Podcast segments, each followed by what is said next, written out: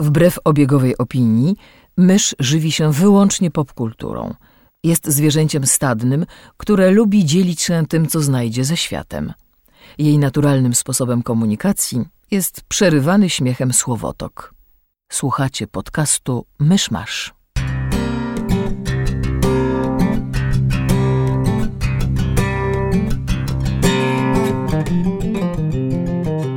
Słuchacze, jest 30 kwietnia 2018 roku.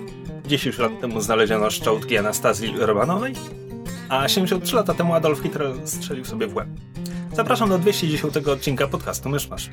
Te Wow. wydarzenia nie mają nic wspólnego. Wiesz co, historia jest takim ciągiem nieoczywistych połączeń, więc...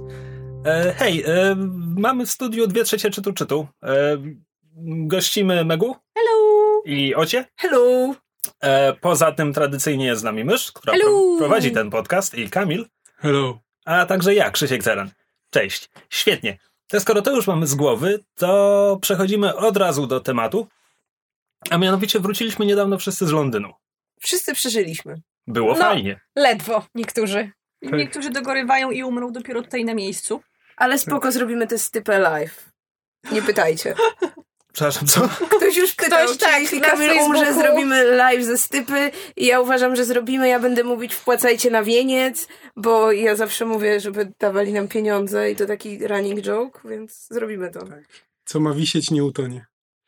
Tak, no w każdym razie Kamil jest chory, jest po stanie zapalnym gardła, więc może nam trochę chrypieć, będzie mówił mało, ale raz na jakiś czas będzie się włączać w dyskusję, bo e, mimo choroby udało mu się parę rzeczy z nami zobaczyć. Tak, ja zasadniczo przez większość wyjazdu byłem, byłem duchem. Znaczy chodziłem w pościeli, e, nie odzywałem się, tylko co jakiś czas wydawałem niemal niesłyszalne dźwięki, jeśli potrzebowałem, żeby ktoś coś dla mnie zrobił. Najlepsze było to, że mysz totalnie je wszystkie rozumiała. Jakby Znaczy była tak. takim translatorem z, z duchowego na nasz. Kamil porozumiewał się ze mną na migi, a ja potem tłumaczyłam na ludzki. Bardzo podobał mi się ten etap, kiedy zaczął używać tego programu z czytującego tekst. Tak. No, więc mieliśmy metody komunikacji opracowane. Tak, no i może, żeby trochę doprecyzować, jakby wszyscy byliśmy w Londynie wcześniej raz, więcej razy, więc, więc znamy, znamy miasto i to był taki wyjazd niejako uzupełniający. Przede wszystkim chodziło nam o program kulturalny. E, I może słowo więcej na ten temat. Byliśmy na dwóch musicalach, w sensie część, wszyscy byliśmy razem na Królu Lwie, a troje z nas było jeszcze dodatkowo na Hamiltonie, a z kolei inne troje, Inne dwoje, jest nas znaczy, pięć. tak, tak, po prostu inne troje, gdzie jedna osoba jest w obu zbiorach, była na stand-upie pana komika. Tak, a my jeszcze... z myszą byliśmy na Book of Mormon.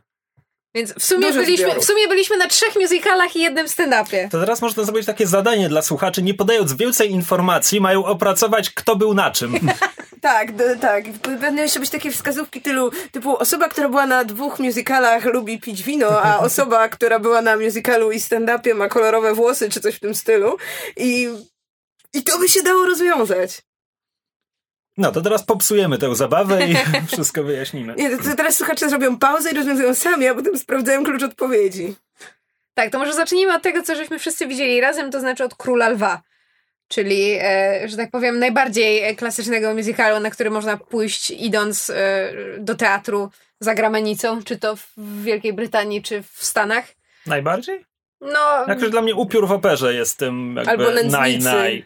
Ale Król Lew jest już takim musicalem, który pod względem kasowości przebił oba.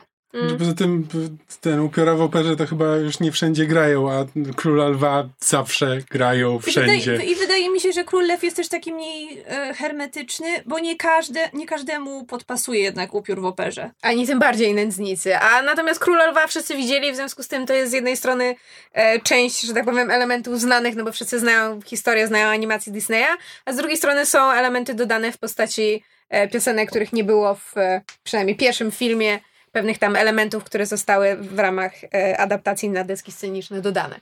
Więc też zgadzam się z Megu, że to jest taki bardziej uniwersalny e, musical. No i em, tak, czy zaczynamy od tego, jakie są różnice, czy od tego, jak nam się podobało? Nie, myślę, że każdy powie mniej więcej, jakie były jego ogólne wrażenia. Krzysztofie? E, To znaczy tak, e, podobało mi się, nigdy wcześniej go nie widziałem. e, Byłem zachwycony realizacją sceniczną, tymi wszystkimi kostiumami, statystami wcielającymi się w różne zwierzątka.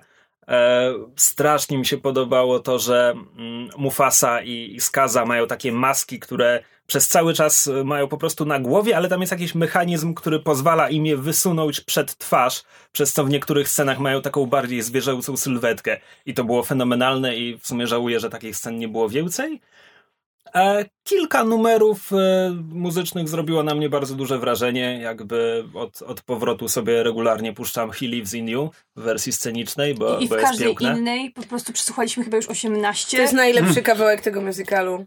E, natomiast niektóre inne piosenki albo stwierdziłem, że nie wiem po co one tam są, na przykład ten kawałek Hien, albo byłem zaskoczony tym, jak cienko wyszły, bo na przykład Be Prepared, przyjdzie czas, było słabo słychać przede wszystkim. I jakoś jak mam w głowie to, jak to wygląda w filmie i jakie jest fantastyczne tam, to wersja sceniczna mnie rozczarowała wtedy. Coś w tym jest. Znaczy ja mam generalnie e, jedyne negatywne wrażenie, jakie wyniosłam z tego musicalu, no negatywne, nie chcę tego aż tak bardzo nacechowywać, bo to nie jest tak, że byłam strasznie zła, że to tak wyszło czy coś, ale e, ten musical ma małe wady i jedną z nich jest właśnie piosenka Be Prepared, która jest śpiewana przez aktora, który aktorstwo, aktorsko jest świetny, bo wciela się w, ka- w skazę fenomenalnie. Niestety, jeżeli chodzi o dobór jego tonacji głosu do tego konkretnego utworu, to niestety niezbyt się do niego nadaje, bo ma zbyt wysoki głos, a piosenka jest śpiewana nisko, także kiedy on próbuje śpiewać w takiej tonacji, w jakiej powinien, to po prostu nie jest w stanie dać z siebie wszystkiego i śpiewa bardzo cicho.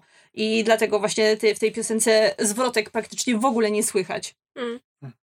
Ja powiem, mnie się najbardziej podobały początek i koniec, czyli jest Circle of Life na początku i tam na końcu jest jakby repryza tego i y, wtedy to są te sceny, kiedy właśnie jest najwięcej y, zwierząt statystów i ta początkowa sekwencja, jak one wszystkie wchodzą, jak wchodzi słoń, to to był ten moment, kiedy ja poczułam takie, o mój Boże, wchodzi słoń, którego grają jednocześnie cztery osoby i nogi im się nie plączą. I w ogóle tak jak poruszały się te zwierzęta, jakie one wykonywały, te jakieś takie no, choreografie, kiedy wejść, kiedy zejść i to jak różnie w ogóle animowane były te zwierzęta, że niekiedy to był po prostu, nie wiem, jeden aktor w kostiumie, czasami kilku aktorów w większym kostiumie, a czasami aktor, który miał na rękach czy na głowie tak naprawdę dopiero sylwetki tych zwierząt, typu jak były, nie wiem, jakieś takie galopujące statka jakieś, gdzie ktoś tak jakby poruszając się, poruszając sobą, tak, taki. jakby i te zwierzęta tak jakby na takich elipsach się poruszały, jakby no fantastycznie to wyglądało.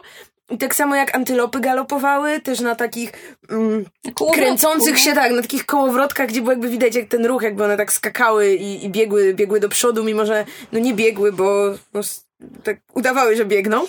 Tak to świetnie wygląda w podcaście, jak o tym opowiadam.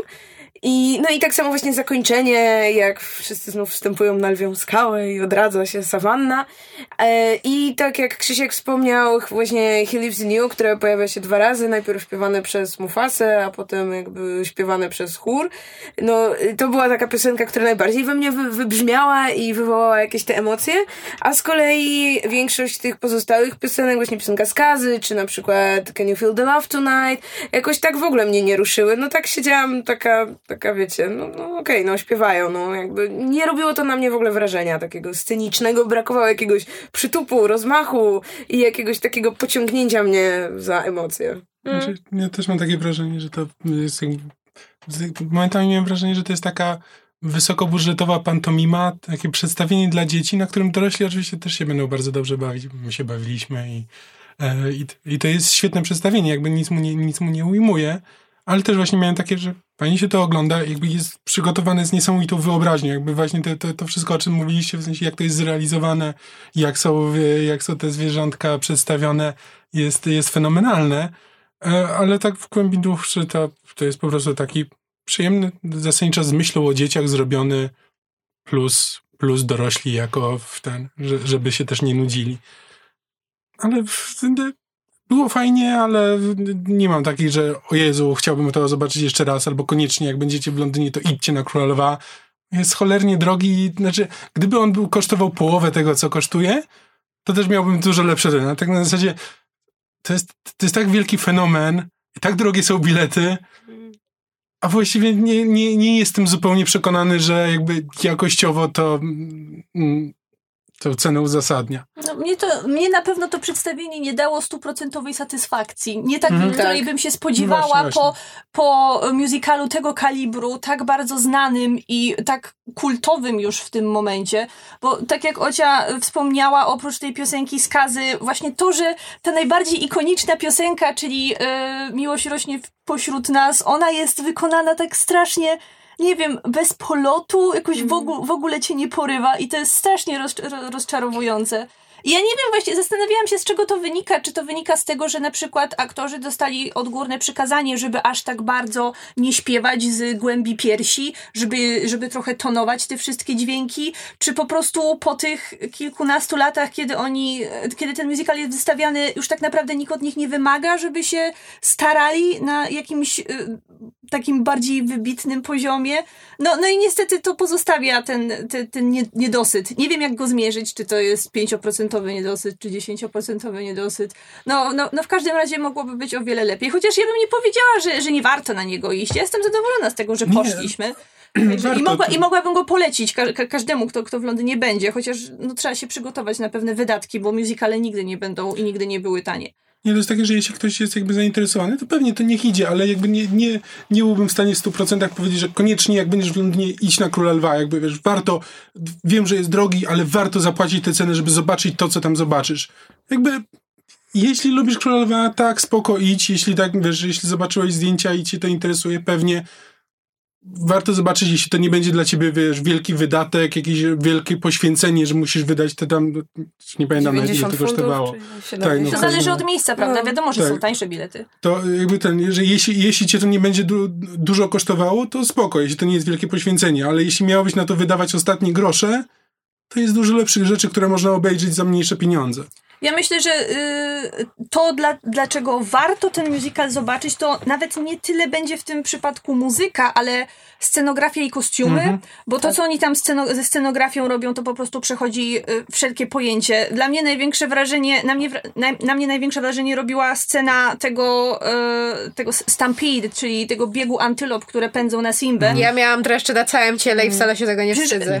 y, kiedy robili animację, zrobienie tej sceny wtedy na tych, na tych przedpotopowych programach graficznych zajęło im 4 lata, a ja wcale nie, nie uważam, żeby ona była w jakikolwiek sposób lepsza w animacji od tego, co tam się dzieje w musicalu na scenie, bo jest to zrobione w tak niesamowicie pomysłowy sposób, że to jest właśnie ten jeden z nielicznych momentów, kiedy ten musical po prostu robi takie wielkie Ale wow. wiesz też dlaczego? Znaczy mam wrażenie, że dlatego, że tam gra muzyka i muzyka Tak. jest podkręcona może nie na maksa, ale jest bardzo głośno. Wybrzmiewa wtedy, kiedy powinna. Te emocjonalne momenty, te takty są jakby poprowadzone dobrze właśnie z tym, co się dzieje na scenie w, w przypadku e, tego, jak to jest technicznie zrealizowane. A nie masz czegoś takiego właśnie, że nie wiem, że ktoś śpiewa za cicho albo nie, nie wpada w tonację i ci idzie to zgrzyta. Ja drugi taki moment, kiedy miałam ciary, bo też było jakby połączenie em, emocjonalnego ładunku z tym, jak zostały wykorzystane, e, że tak powiem, rekwizyty i scenografia i z tym, jak zadziałała muzyka, to jest moment e, Simba Pamiętaj. Czyli Tak. kiedy pojawia się twarz, e, znaczy w animacji widzimy twarz sk- e, skazy, co ja mówię, Mufasy w chmurach, a, a na scenie musieli na to wymyślić inny sposób i zrobili to genialnie. To znaczy moment, kiedy ta twarz Mufasy się wyłania, no to ja miałam ciary i, i, i bardzo mi To się jest to chyba podobało. jeden z, na, z najlepszych momentów w ogóle. Tak, w zwłaszcza, całym że tam jest w okolicy, jest to drugie Lives in You, więc Tak, to więc jest jakby to w ogóle ta- jako całość wybrzmiewa. świetna scena. Natomiast y, jakby zgadzam się z tym, że muzycznie, znaczy wokalnie y, bywało różnie też, co- tam wiadomo, e, młodzi aktorzy wcielający się w, w małego Simbę i małą Nalę, no to jakby mają, mają głosy, natomiast technicznie tam jeszcze troszeczkę im brakuje momentami. Geralt, ratuj mnie. E, natomiast bardzo mi się podobało to, że jakby aktorsko wszyscy byli na bardzo dobrym poziomie. To znaczy, nawet jeżeli ten musical nie był do końca e, zaśpiewany na 100%, to był zagrany na 100% moim zdaniem. Mhm. E, to znaczy to, że na przykład Timon i Pumba z jednej strony aktorzy, którzy się wcielali w te role w jakimś stopniu naśladowali to co, to, co e, było zrobione w animacji, a, a z drugiej strony nadali temu jakiś własny, własny charakter, własny sznyt i wszystkie pozostałe postacie też tak miały. Skaza zresztą też. Był zbliżony do tego, co zrobił Jeremy Irons, ale mimo wszystko z jakimś takim e, własnym em, wkładem. I bardzo mi się to podobało, bo, bo z jednej strony oddaje, że tak powiem, uchyla kapelusza oryginałowi, a z drugiej strony daje ci coś więcej. No to podsumowując, Król Lew doświadczenie pozytywne, ale nierówne. Nie wiemy, czy warte swojej ceny. Tak. No to Natomiast- teraz będziemy się kłócić, który musical z tych pozostałych dwóch był najlepszy. Znaczy, No. może inaczej, nie, nie, nie, nie. Nie kłóćmy się, który jest podstaw, najlepszy. żeby się tak, kłócić. Właśnie, ale uznajmy tutaj wszyscy razem nasze gremium, jak, jako się zebrało, uznajmy, że następne dwa musicale, które będziemy omawiać, każdy był wart swojej ceny w zupełnie innym sensie. Tak, jest- i każdy chyba spełnił wszystkie pokładane Och, e, w tak, nim nadzieje i każdy, nawiązką. każdy z nas chyba było nim dużo bardziej zachwycony niż oglądaniem Króla Lwa Tak. i każdy z nas było zachwycony swoim wyborem. Tak. To chyba możemy powiedzieć. To może wy zacznijcie, bo podejrzewam, że e, Hamilton jest jednak bardziej ekscytującym z tytułów. Tak, bo podzieliliśmy się w ten sposób, że e, ja, Krzysiek i Ocia mieliśmy już od bardzo, bardzo dawna, od 14 miesięcy bilety na Hamiltona, a Mysz i Kamil e, wygrali bilety w loterii na Tak. The Book of Mormon. Poszliśmy pod teatr. Dwa lata temu, jak byliśmy w Londynie, żeśmy prawie, prawie codziennie chodzili pod teatr. Jednego dnia aż dwa razy, bo, bo mieli dwa spektakle. Brać udział w tej loterii, bo oni właśnie m, można wygrać, tam mają chyba, nie wiem, 21 biletów w tańszej cenie. To nie jest tak, że za darmo, ale po prostu w pierwszym rzędzie są bilety do wygrania tam, nie wiem, za 20 funtów bilet. Pięć razy żeśmy dwa lata temu próbowali, ani razu nam się nie udali. Teraz poszliśmy na zasadzie, no, oni poszli na Hamiltona, Kamil jest chory, ale a nuż widelec się uda, spróbujemy. I słuchajcie, Kamil był drugą osobą, którą wylosowali. Ja zaczęłam tak piszczeć. Ja mam so much fun! Ale dobra, zacznijmy od Hamiltona. Boże, to, było, to było najdoskonalsze kulturowe przeżycie mojego 30-letniego życia i mówię to z pełną świadomością jakby wagi tych słów i jeśli chciałabym w życiu cokolwiek jeszcze zrobić, to pójść na Hamiltona po raz kolejny i wtedy mogę już umrzeć. Jakby Hamilton jest dziełem doskonałym. Jest dziełem doskonałym, jak się na samym etapie słuchania soundtracku, bo i muzycznie, i lirycznie, i jeśli chodzi, nie wiem, o prowadzenie postaci, o tyle tematów jest poruszonych w tym musicalu, to jest po prostu takie dzieło kompletne, dzieło po prostu najwyższego geniuszu.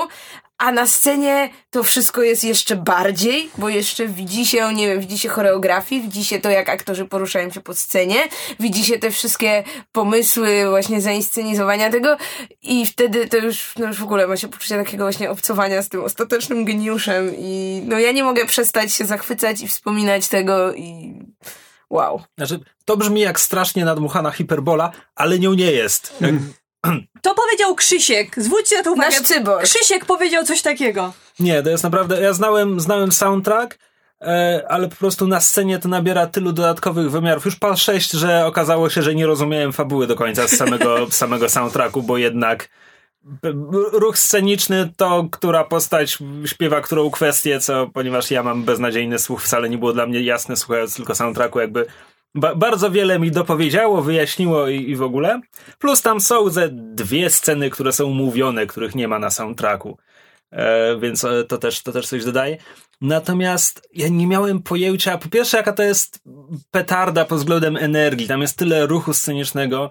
To jest, to jest ten rodzaj musicalu, gdzie prawie wszystko jest śpiewane. Prawie 100% tekstu ze sceny jest śpiewany. W związku z czym na soundtracku jest te 98 tekstu.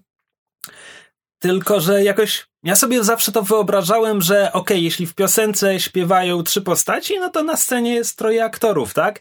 Nie, bo tam masz potem jeszcze tuzin statystów, którzy uprawiają taki niemalże niekończący się balet, e, który czasami jakoś abstrakcyjnie wyraża, co się akurat w tym momencie dzieje. Czasami oni po prostu wcielają się dosłownie w jakichś statystów, e, którzy jakoś tam pomagają głównym aktorom ode- odegrać scenę, czy, czy coś takiego. Ja tu bym dodała, że jeszcze oni w fantastyczny sposób podają sobie przedmioty. Jakby oglądając tak naprawdę po raz kolejny jakieś tam klipy, ja dopiero zauważyłam, że w momencie, jak nie wiem, trzeba przebrać bohatera, to to się bardzo często dzieje na scenie, że właśnie któryś z tych tancerzy gdzieś tam wchodzi z płaszczem, ubiera bohatera gdzieś tam, nie wiem, bardziej z tyłu sceny, a potem wy, wychodzi, nie wiem, z książką, którą wcześniej ktoś tam inny przyniósł, tak samo wnoszą meble na scenę i to jest wszystko tak skoordynowane. No wiesz, te, te wymiany płaszczy Hamiltona to zawsze są symboliczne. On wtedy Tak. przyjmuje nową rolę, czy, czy coś takiego. Nie, natomiast bar, bardzo ładnie tę koordynację podkreśla właśnie scena, kiedy, kiedy Hamilton idzie, troje statystów podaje sobie z rok do roku jakąś książkę, której on potrzebuje do odegrania scenki przy dwóch wersach, którą natychmiast potem oddaje innemu statyście, żeby ona mu zniknęła z rąk i tak dalej. To jest jakby, to jest wszystko perfekcyjnie zrobione.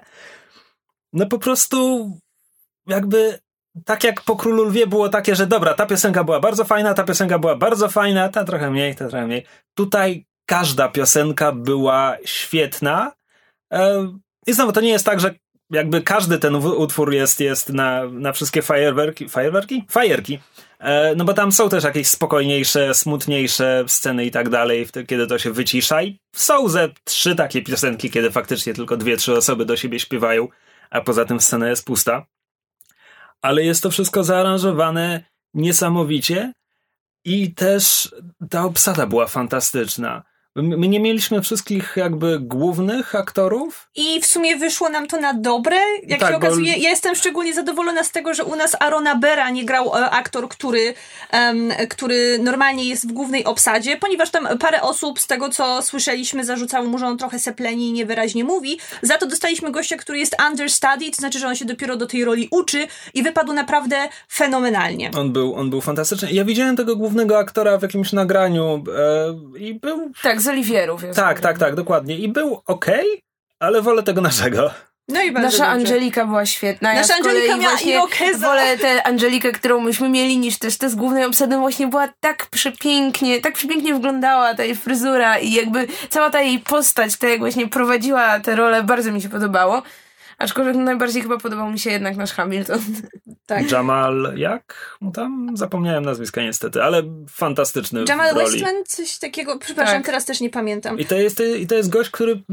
Znaczy, On to jest nie jest jego debiut, To ale jest jego debiut. On jest kompletny debiut? Tak, on jest świeżutko po szkole aktorskiej. Ach, to jest genialny. Jest, jest rewelacyjny, także nie, nie wiem, czy Ocia się ze mną zgodzi, bo ale wcześniej o tym mówiłyśmy, że on prawdopodobnie jest lepszy od Lina Manuela Mirandy. Tak, to znaczy Lin jest geniuszem, y, bez którego... Napisał to. Tak, bez którego nigdy byśmy tego nie, nie dostali, ale jeśli chodzi o samą rolę Hamiltona, to, to dla mnie jednak Jamal ma w sobie coś bardziej, co jakoś tak bardziej mi pasuje do tej postaci. No i jest oczywiście lepszym wokalistą. Tak, no bo Lin Manuel Miranda jest świetnym raperem, świetnym tekściarzem i świetnym y, dramaturgiem, Kompozytorem. kompozytorem. Jezu, on jest po prostu człowiekiem orkiestrą, ale on nie potrafi tak dobrze śpiewać i za każdym razem, kiedy próbuje, to widać, jak bardzo się stara i jak y, wiele wymaga to od niego wysiłku, a u Jamaela tego w ogóle nie było.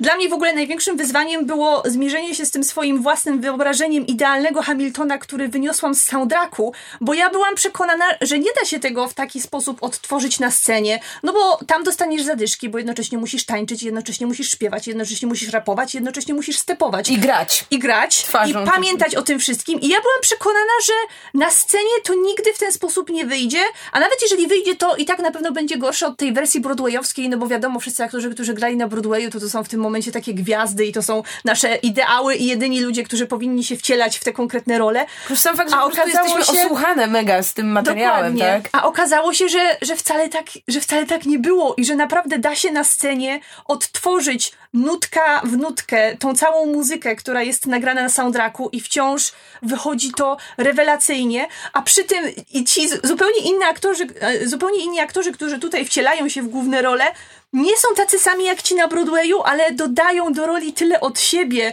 No nie wiem, chyba najwięcej, najbardziej kontrastującą postacią jest tutaj aktor, który w, wciela się w Lafayette, a później w Thomasa Jeffersona, No bo tak. na Broadwayu to jest wielki Davin Dix, który ma chyba z dwa metry wzrostu i jest taki niesamowicie atletycznej budowy. Tak, taki skoczny, taki... On ma po prostu uda jak kolarz, a tutaj to jest taki mały gość, który wygląda jak Speedy Gonzales. Nie wiem, on ma może 1,60 m, jest niższy od nas tutaj wszystkich i ma w sobie tyle energii i po prostu potrafił dać tej postaci, tym dwóm postaciom właściwie tyle, ty, tyle ty, takiego, takiego sznytu komediowego i takiego fajnego zacięcia, więc to było naprawdę prześwietne. Ja bym jeszcze chciała dodać, że tak jak y, na soundtracku na przykład y, są utwory, które mnie średnio jakoś tak do siebie zawsze przekonywały. W sensie nie to, że mi się nie podobały czy coś, ale nigdy nie były w jakiejś tam mojej czołówce i nie wracałam specjalnie do nich, po prostu leciały jak słuchałam akurat całej płyty i na scenie one bardzo dużo zyskują. Mówię tu głównie o tych y, cabinet battles, gdzie są takie pojedynki raperskie między dwoma stronnictwami i to właśnie ile im dodaje to, że oni są na scenie, że oni faktycznie biorą wtedy te mikrofony do ręki, to jak Thomas Jefferson robi drop the mic, po prostu to tak, to, no, patrzenie na to to była po prostu czysta radość. Taki moment, który was najbardziej chwycił za serce, bo ja się, ja się totalnie rozkleiłam e, przy piosence It's Quiet Uptown. O tak. Głównie dlatego, że te wszystkie emocje, które da się przekazać w tej piosence, było widać na twarzach aktorów i to, że oni na, na końcu oboje wypuchają płaczem, Mm. to, było, to było dla mnie tak niesamowicie mocne, że ja już wtedy się totalnie na tym musicalu rozkleiłam. Już pomijając fakt, że ja płakałam właściwie przez całe dwa akty, ale tutaj to już, to już było dla mnie zbyt wiele. To było tak idealne i to było tak intensywne, że wow, już, już po prostu nie wiem, jakimi słowami to opisać, bo to było tak cudowne. Ja tu się zaraz znowu rozpłaczę. Czy może ktoś zabrać mi ten mikrofon? Ja też zawsze płaczę na tej ostatniej piosence, gdzie właśnie oni tak podsumowują te historie i opowiadają o tym, co było jeszcze później i właśnie jak śpiewają o tym, że Eliza żyła jeszcze tyle lat i to mnie też zawsze tak wzrusza. I właśnie w, te, w tej scenie jest coś, czego nie ma na soundtracku, bo cały musical kończy się tym, że Eliza opowiada o swoim dalszym życiu Tak. po, śm- po śmierci Hamiltona i kończy się momentem, kiedy ona właściwie też umiera i go widzi po śmierci. I to jest ten taki, ostatnia scena, zaraz po tym jak gasną wszystkie światła, to jest ten, ten jej taki, nie wiem, może to jest moja własna interpretacja, to jest jej taki zachwyt nad tym, co tam jest, co, co ona widzi po śmierci. Zakładam, że widzi po prostu swojego męża po tych całych latach, kiedy pracowała, żeby utrzymać to jego dziedzictwo i walczyć o, o jego dobre imię. I, I ona wydaje z siebie wtedy takie ogromne westchnienie i na tym się kończy cały musical.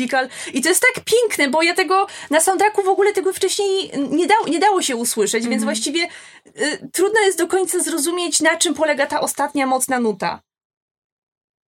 E, Ja nie mam takiego jednego momentu, natomiast na scenie dużo bardziej to wszystko wybrzmiało dla mnie, bo tak jakby Hamilton jest o Hamiltonie i tak dalej, natomiast dopiero ob- obejrzawszy to na scenie zobaczyłem to jako tragiczną historię Arona Bura i to też jest ta bardzo fajna, nazwijmy to druga strona całego tego spektaklu. E, Właśnie dziełki, dziełki genialnemu wykonawcy, ale również tutaj jakby, jakby bardziej fabuła mi się ułożyła, poskładała i tak dalej. Więc e, ja nawet nie wiem. Ja wiem, że przesłuchałem cały soundtrack, ale nigdy wcześniej nie zwróciłem uwagi na, na jego piosenkę, kiedy on mówi, że tam on, on czeka na swój moment i tak dalej. Nie, nie zwróciłeś uwagi na tę piosenkę, to jest jedna z lepszych piosenek w całym musicalu. Szczerze, szczerze mówiąc, zawsze po pierwszej połowie trochę przestawałem zwracać uwagę, ale To jest piosenka z pierwszego aktu. Mówisz o Wait For It. tak, tak. E, nieważne, no jakby ja dziwnie słucham muzyki. E, w każdym razie tak, jakby na scenie, na scenie ta postać dla mnie wybrzmiała dużo, dużo mocniej niż, niż gdy tylko słuchałem soundtracku. To słowem podsumowania, czy wszyscy możemy uznać, że ten musical zmienił nasze życie i że wart jest każdych pieniędzy, bo ja mogę Tak. wydać ostatnią krwawicę, żeby jeszcze raz tam polecieć to Tak. zobaczyć, bo było to tak fantastyczne. Tak.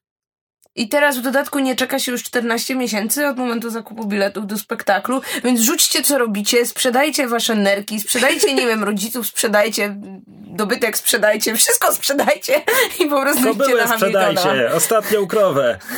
Bo warto. Totalnie, totalnie warto. Krowa Nawet, nawet jak potem umrzecie z głodu, totalnie warto. Co my mamy, mam wrażenie, dość podobne odczucia względem Book of Mormon. To znaczy, jest to jedna z najlepszych rzeczy, jeśli nie najlepsza rzecz, którą widziałam do tej pory na dyskach teatrów, e, zarówno w Polsce, jak i za granicą.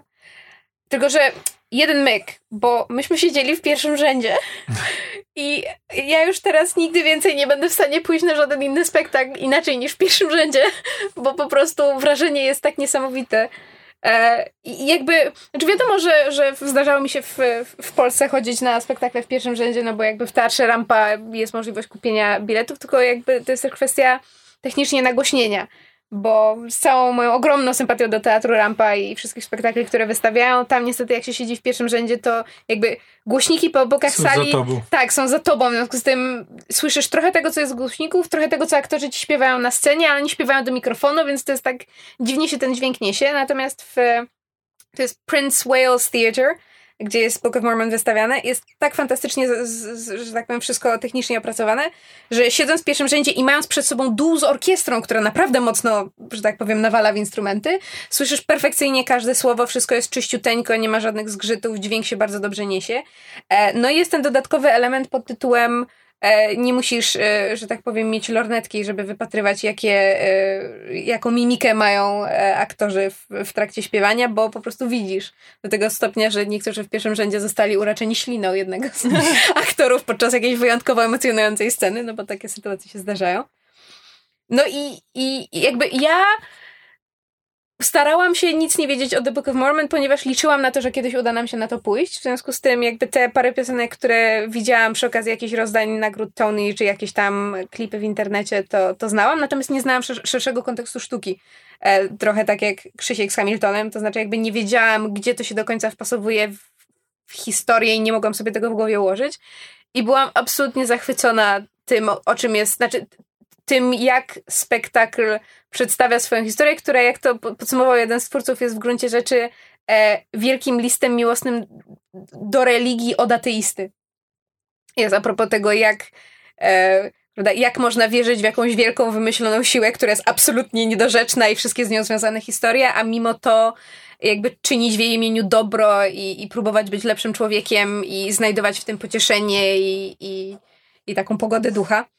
E, i bardzo mi się podobało to, że właśnie jakby spektakl nazywa się The Book of Mormon i, opowiada o mormonach i jest zrobiony przez twórców um, serialu South Park i jednego z twórców e, Robert, Aven Avenue Q. Tak, Roberta Lopeza, który zresztą tam czytałem o nim na Wikipedii, jest naj, najmłodszym twórcą, który, zys, który zdobył zarówno Emmy, e, Grammy, Oscara i Tony. Czyli IGOT. Tak, jedynym twórcą, który zdobył wszystkie te cztery nagrody dwa Ale razy. To on zrobił muzykę do Frozen? Mm. Tak, tak, razem z żoną. Z żoną. Oni są właśnie ostatnio tak, do Frozen, do Coco. złote jaja, jeśli chodzi o Disney. Za, za, to zdoby, za to zdobyło oba Oscary, za muzykę do Frozen i za muzykę do Coco. Jeśli ktoś pamięta e... musicalowy odcinek Scraps, to też byli oni. Mhm. Tak, to też, też on.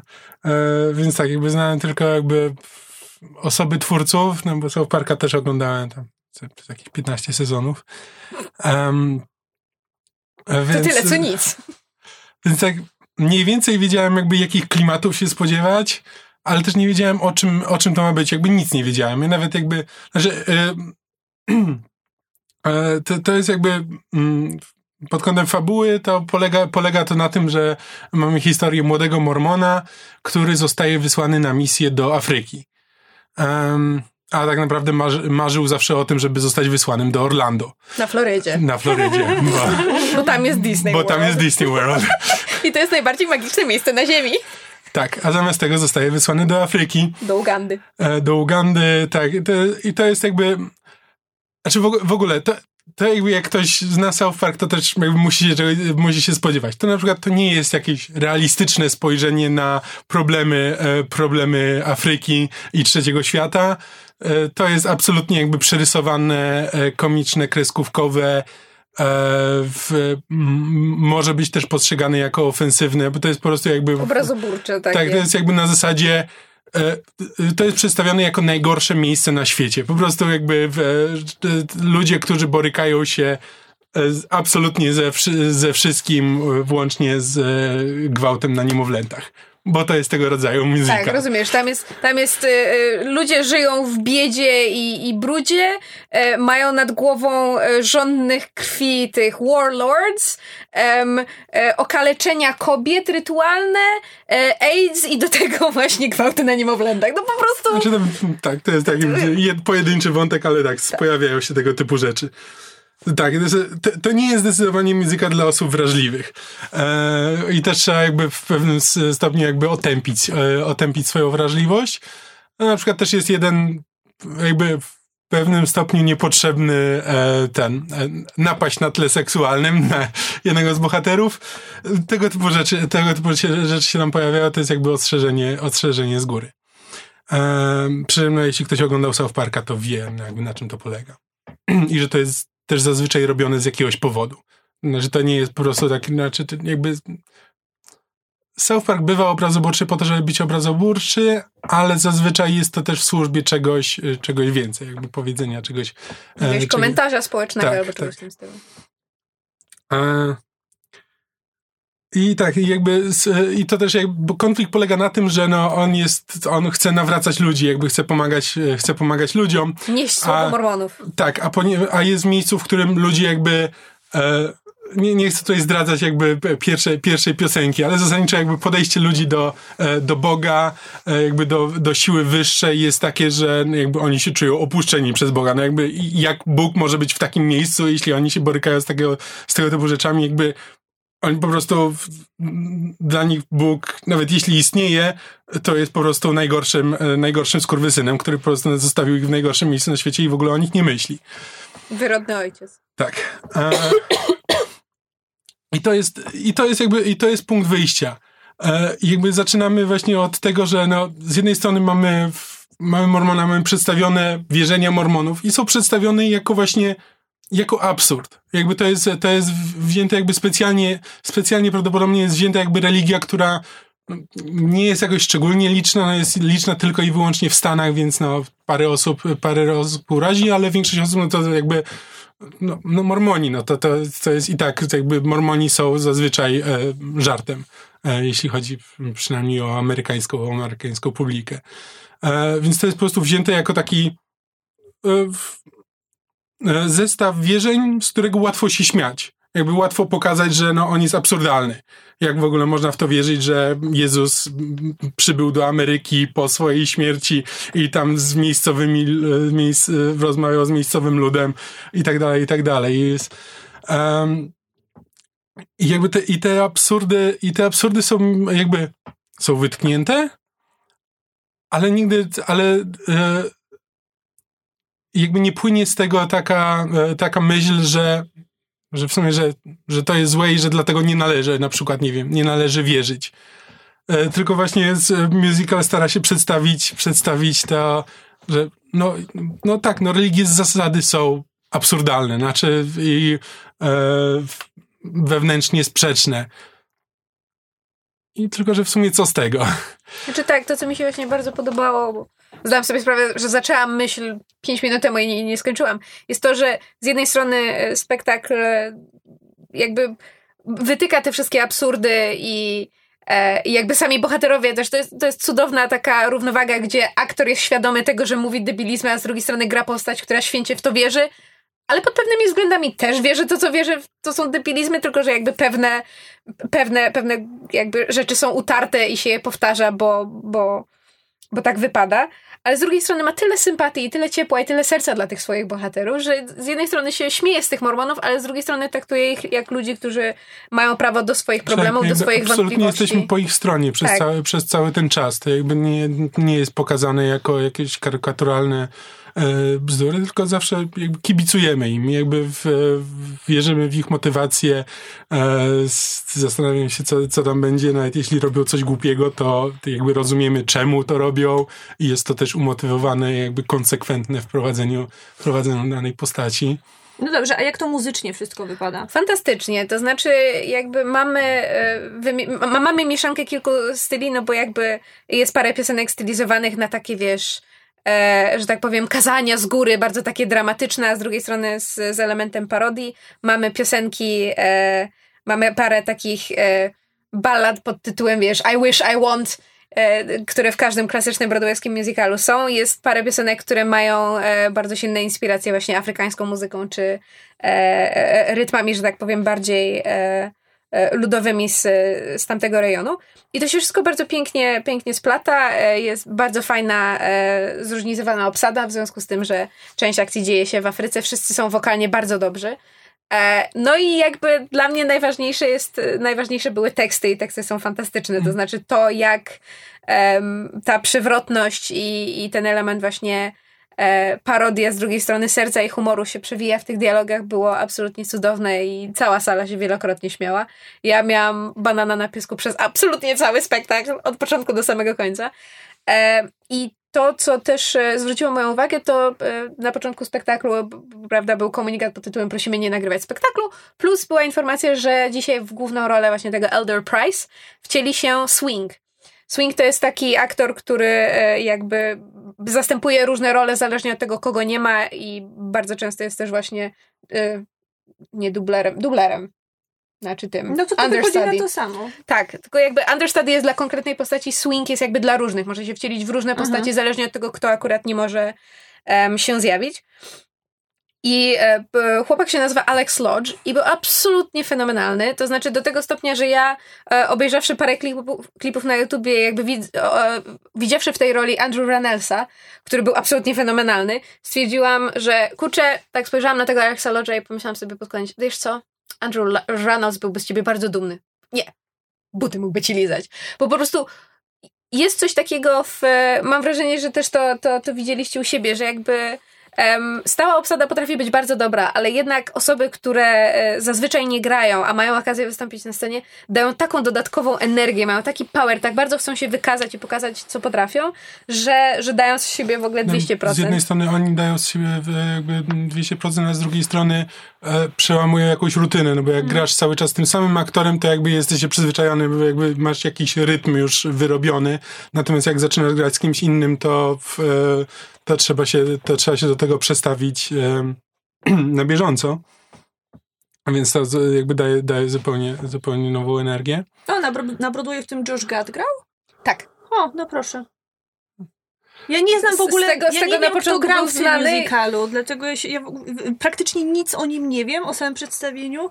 Tak- Także dla mnie to jest wszystko nowość. Tak, właśnie Jo- Josh Grad grał, grał na Broadwayu, stamtąd był na początku znany i chyba stamtąd małżeństwo Lopezów go wzięło zresztą do Frozen, bo to Mm. stamtąd się chyba znali. O, ten z Dear Evan Hansen też tam grał. Tak. O. Tam wszyscy grali w pewnym momencie. Ten spektakl naprawdę już od paru To- dobrych to- wiesz, to- lat To jest leci. bardzo młoda obsada jakby przede wszystkim, więc tam masz bardzo, bardzo dużo młodych aktorów, e, więc jakby normalne jest, że będą, będą później gdzieś wyskakiwać też w innych rolach w telewizji czy w filmie. Mm, A jakby i wszyscy są świetni. Tam jakby no, mimo wszystko, wszystko się obraca wokół dwóch głównych postaci, e, jakby tych mormonów, plus tam parę wybranych postaci z tej afrykańskiej wioski. Reszta to jest tylko jakby dodatkowa, dodatkowa obsada, jakby w, w, część jest troszkę bardziej rozwinięta, część mniej, ale jakby mimo wszystko większość gra jakby drugie skrzypce. E, Nie ma, nie ma jakiejś większej roli.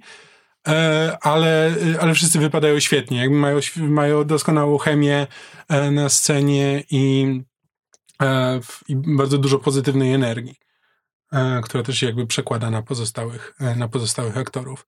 I, i to, jest, jakby- to jest musical pełen ciepła. Jakby muzy- muzyka jest dosyć lekka, tam nie ma jakby takich mm, poważnych, potężnych, jakby te, te, tak jak nie wiem, w, Król, w Królu Lwie są te piosenki, które po prostu dają po prostu, że e, zapomniałem słów. zapomniałem jak używać słów. Um, Proszę wybaczyć, Kamil ma gorączkę. tak. Um, ale które sprawiają, że ciary, ciary ci przechodzą, czy coś takiego, to jest, to jest raczej lekka muzyka zawsze, szczególnie, że wszystko jest, nawet jak jest jakaś poważniejsza scena, no to natychmiast jest potem e, jakoś e, humorem przeważona. Um, i, też, I to jest jakby standardowe dla. Jeżeli jeśli ktoś na przykład widział Avenue Q, no to też, te, też jest mniej więcej tak, że mamy, mamy do czynienia z dosyć lekką muzyką. To ja, to ja, ja widziałem. No to jeden z twórców jest też Tak. ten odpowiedzialny za wyniki. Wiem, słucham was. Tak, nie, więc jest bardzo, bardzo lekko, ale, ale jakby eklektycznie, e, bo też nie ma jakby, nie ma jednego gatunku muzycznego, który by tam przewodził. E, Jest, jest bardzo wiele, ale, e, ale wszystkie stoją na, na, na najwyższym poziomie. Jest pełen humoru jest zaskakująco mądry jak na, jak na tak głupią rzecz. Tak. E, Więc gdyby ktoś miał okazję, to, to bardzo polecamy się wybrać i obejrzeć. Warto właśnie wziąć udział w tej loterii. To się dzieje tak, że na 2,5 godziny przed spektaklem danego dnia stoją mili panowie i rozdają formularze, które się wypełnia, wrzuca u nich do, e, do takiego cudownego bębna, jak wiesz, maszyna losująca, taka jeszcze z korbką, cudowne to jest.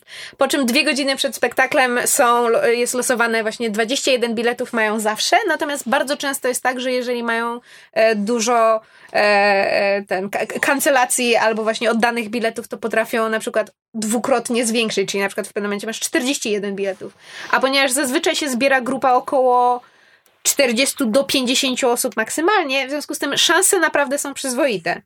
E, I bilety są tak za, za, za 20 funtów właśnie w pierwszym rzędzie, w momencie, kiedy normalnie w pierwszym rzędzie miejsca kosztują 150 funtów na przykład. No bo tak tradycyjnie właśnie na, na West Endzie musicale będą kosztować. E, nie jest to jedyny teatr, jedyny spektakl, który ma tego typu loterię, więc jeżeli je- jedziecie do Londynu z myślą chcę iść na musical, chcę iść do teatru, e, koniecznie sprawdzajcie, czy dany spektakl, dany teatr ma takie loterie. Niektóre mają internetowe, niektóre mają na miejscu, niektóre mają przez różnego rodzaju aplikacje czy strony, które sprzedają bilety. Naprawdę warto się tym zainteresować, bo jest mnóstwo bardzo dobrych spektakli, które można za naprawdę niewielkie pieniądze e, obejrzeć. E, a są takie właśnie na przykład jak Book of Mormon czy Hamilton, na które warto te, te parę dziesiąt set funtów więcej Nie no, set nie wydać. wydaliśmy. No nie, no nie. W sumie może na wszystko. E, ale tak. Bardzo, bardzo polecamy i ja teraz zamierzam oglądać wszystkie klipy z Book of Mormon, które do tej pory miałam zachomikowane na YouTubie i nie oglądałam, bo czekałam na moment, aż zobaczę na żywo. Yes, I'm one of those people. To tyle z musicali, a nasza trójka jeszcze była e, na stand-upie jednego z naszych ulubionych komików, Eda Berna, irlandzkiego komika. Chcemy dwa słowa powiedzieć? Dwa słowa. Um, było zabawnie. Nie, e, Ed Byrne jest bardzo sympatyczny. On ma taki bardzo tradycyjny styl komedii. To jest to, to obser- observational comedy. On po prostu opowiada, dużo czerpie z własnego życia, tam koloryzując mniej lub bardziej. E, tylko, że nie da się zacytować kawałka jego stand-upu. On nie opowiada dowcipów, on snuje anegdoty. I to często są szkatułkowe anegdoty. Tak, do tego on- stopnia, że cały chyba ten stand-up, na którym byliśmy, to był jakby to była jedna wielka szkatułka, w której był każdy kolejne mniejsze. Tak, więc jakby jako zacytowany dowcip, no to gdzieś, gdzieś w drugim akcie w pewnym momencie wraca do czegoś z pierwszego aktu, po czym zwraca się do publiczności. Aha, myśleliście, że zapomniałem, tak? Mnie to o tyle rozbawiło, że ja autentycznie. No bo to jest tak, że on zaczyna jakąś anegdotę pod koniec pierwszego aktu, po czym idzie w dygresję i nigdy nie kończy tej, którą zaczął. Tak, ja Po czym dodatku- zaczyna się drugi akt i zaczyna z zupełnie innego miejsca, już jakby ignorując wszystko, co było do tej pory. Po czym w połowie tego drugiego aktu mówi: Pewnie połowa was teraz się zastanawia, czy zapomniałem o tym, o czym zacząłem mówić przed przerwą. Nie, zaraz do tego wrócimy. I ja miałam po prostu taki wewnętrzny jakąś taką strasznie silną reakcję pod tytułem o mój Boże, on wie o czym ja myślę, odkąd poszliśmy na przerwę. Bo ja autentycznie czekałam, aż on skończy tę anegdotę i miałam taką frustrację wewnętrzną pod tytułem o mój Boże, on zapomniał, czuję się taka oszukana. Ale pamiętał i skończył i było bardzo fajnie. Natomiast tak, y, Eda Bernafogę bardzo, bardzo polecamy, jeżeli ktoś jest obeznany z angielskim na tyle, żeby rozumieć, e, że tak powiem, dość szybko, e, szybki Tak, bo tok on, wypowiedzi. on, on nie ma mocnego irlandzkiego akcentu, tylko on znaczy Strasznie słychać, szybko mówi. ale przede wszystkim rzecz polega na tym, że on mówi bardzo, bardzo szybko i to jest ten problem w jego w zrozumieniu go. tak. I to, to jest taki bardzo irlandzki właśnie humor. Znaczy to jest właśnie to, co mówisz, że to jest anegdotki. To jest tak, jakbyś siedział z kimś w barze, jakby, który po prostu ci e, opowiada, opowiada ci o swoim życiu, nie stroni, nie stroni od wulgaryzmów e, i po prostu jest taki szczery i otwarty z, e, i zabawny. Tak, czyli mówię, taki bardzo tradycyjny rodzaj kom, jakby komedii stand-uperskiej, tylko wykonany na bardzo, bardzo wysokim poziomie. Mhm. Przemyślany i, i w ogóle. On ma co najmniej jedno DVD ze swoim starym Trzy ma. występem. Trzy. Ma trzy. tak. To ja widziałem tylko jedno, także jakby... Wiemy, co Krzyś będzie niedługo E, tak, no więc jakby nie najłatwiej jest polecieć do Wielkiej Brytanii i złapać jego występ, kiedy jest w trasie, ale można sobie kupić jego, jego występy, co polec- polecamy jakby chyba wszyscy w tym momencie. Tak, jak najbardziej. Zwłaszcza, że występ można cofnąć i obejrzeć jeszcze raz, jeżeli właśnie się czegoś nie zrozumiało, bo za szybko mówił. Natomiast na żywo był z tym problem. Wiem, że były chyba raz czy dwa, kiedy myśmy się z Krzyśkiem spojrzeli na siebie i wzruszyli ramionami, bo żeśmy nie złapali, co zostało powiedziane. Cała sala się śmiała, śmiała a my nie. I były też parę takich odniesień kulturowych, które... Znaczy, mam, odniosłam takie wrażenie, nie wiem jak wy, że on e, jakby na, występując przed publicznością w Wielkiej Brytanii, miał momentami ten humor skierowany konkretnie do, do ludzi, którzy go zrozumieją. To znaczy, jakby tworząc stand-up, który będzie nagrany i potem wyjdzie na DVD i będzie sprzedawany międzynarodowo i, i ludzie na całym świecie będą go oglądać, ma tych takich e, bardzo niszowych żartów mniej. A tutaj był cały taki segment a propos, e, co to było? Aga. A, to jest ten no tak, no ale... piec, który ogrzewa całe mieszkanie. Tak, który ogrzewa całe mieszkanie. I zanim ja z kontekstu wywnioskowałam o co chodzi, no to minęło dobre półtorej minuty. Tak, Więc na, najwyraźniej jest to było coś, kilka. co, co teraz brytyjscy hipsterzy, którzy mają własne domy, z tego korzystają, tak? Tak, jest to chodliwy temat Kto by, akurat. kto by pomyślał. Tak, no ma dużo takich jakby odnoszących się do, do tła klasowego, do podziałów klasowych, to to jest jakby zrozumiałe, wiemy, że w Wielkiej Brytanii jest to bardzo mocne i tak dalej. Zresztą, że on jakby, jakby wywodzi się z, z klasy robotniczej, jakby W Irlandii, tak. tak, Tak. w Irlandii, I a przeszedł awans społeczny. tak. I ożenił się, z, jak to sa- sam wielokrotnie mówi, jakby z, z kobietą z, e, Z wyższych no, sfer. z wyższej średniej klasy, tak.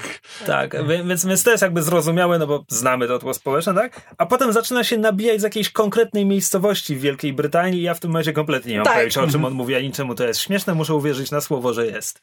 Co nie zmienia faktu, że bardzo nam się podobało i, i jeżeli macie właśnie jakichś swoich też, nie wiem, brytyjskich albo zagranicznych stand-uperów i macie gdzieś okazję kupić bilety na ich występ, to też myślę, że, że warto te pieniądze wydać, bo jednak na żywo to jest zupełnie inna energia też jak się cała sala śmieje, niż jak się samemu ogląda na DVD w domu. Hmm.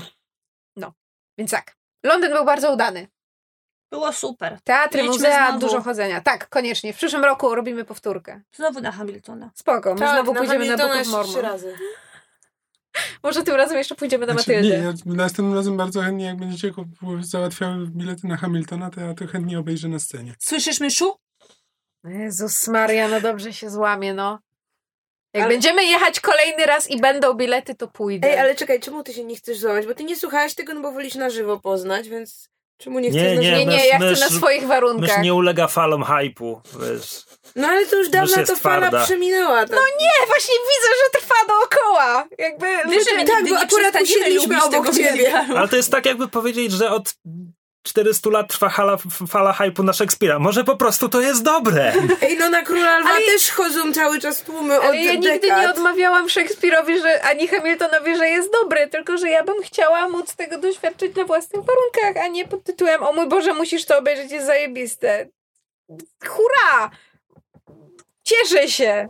Still. Nie wiem, ja jestem ciekaw, może jakby mm, moim zdaniem lepsze wrażenie by na mnie wywarło na scenie niż na przykład słuchając soundtracku, więc chciałbym to po prostu zobaczyć i na pewno jakby wiem, że warto, jakby tyle się słyszy, że no niezależnie od tego, co, z jakim wrażeniem wyjdę po, po spektaklu, to jakby będę wiedział, że warto było, warto było to zobaczyć. No.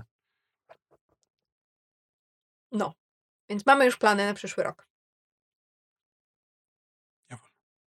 Okej. Drugi temat odcinka. To będzie Tak. długi odcinek. Ale najpierw pożegnamy Kamila. Cześć Kamil. Pa, Cześć Kamil. wszyscy.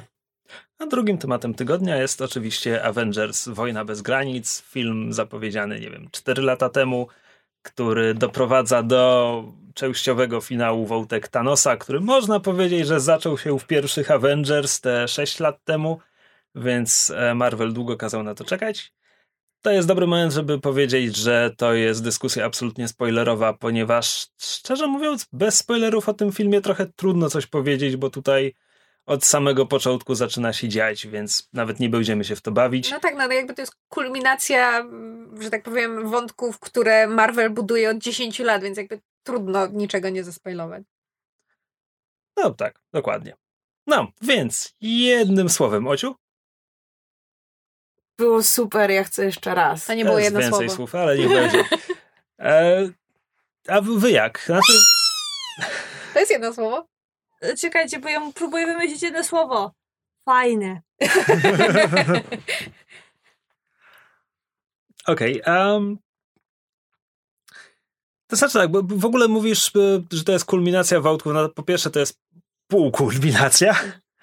A po drugie, ile tych wątków tak naprawdę było ciągniętych i budowanych latami? No nie no, jeden. Poszukiwanie kamieni. To, to jest tylko ten jeden wątek, który Dobrze, mówimy. mając na, mówiąc wątki, ma, miałam również na myśli e, emocjonalne relacje między bohaterami i ładunki z tym związane i to, jak to było budowane. No mimo wszystko to jest 10 lat oglądania tych postaci i tego, jak one ze sobą wchodzą w interakcję. W związku z tym dla mnie siła największa tego filmu to jest właśnie to, jak te ładunki zostają wykorzystane. E, przede wszystkim mam wrażenie, dzięki e, bardzo e, dużym pokładom talentu i, umie- i umiejętności, które mają bracia Russo jako twórcy przede wszystkim w stajni Marvela.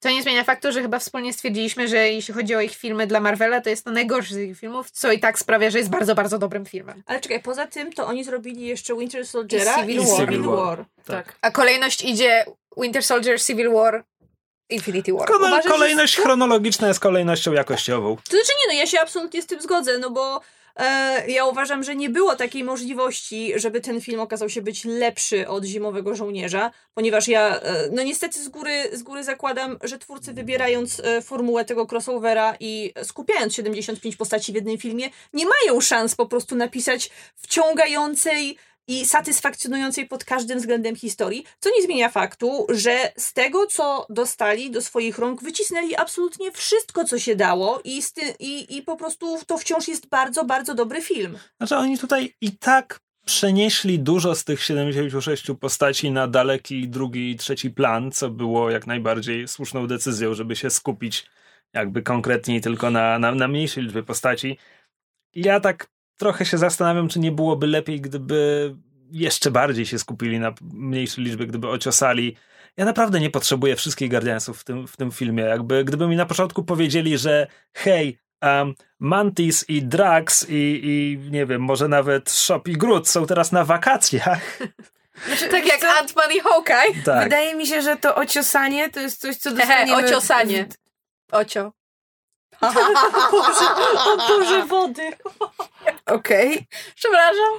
Wydaje mi się, że to ociosanie dostaniemy w drugim filmie i jakby ten film to jest właśnie oglądasz film jest proces procesem- ociosywania Tak. po to, żeby Wióry leciały, jego, aż się żeby w jego kurzyło. kontynuacji już dokładnie dostać to, o czym, o czym mówisz, czyli mało postaci, czyli głównie oryginalny skład Avengers.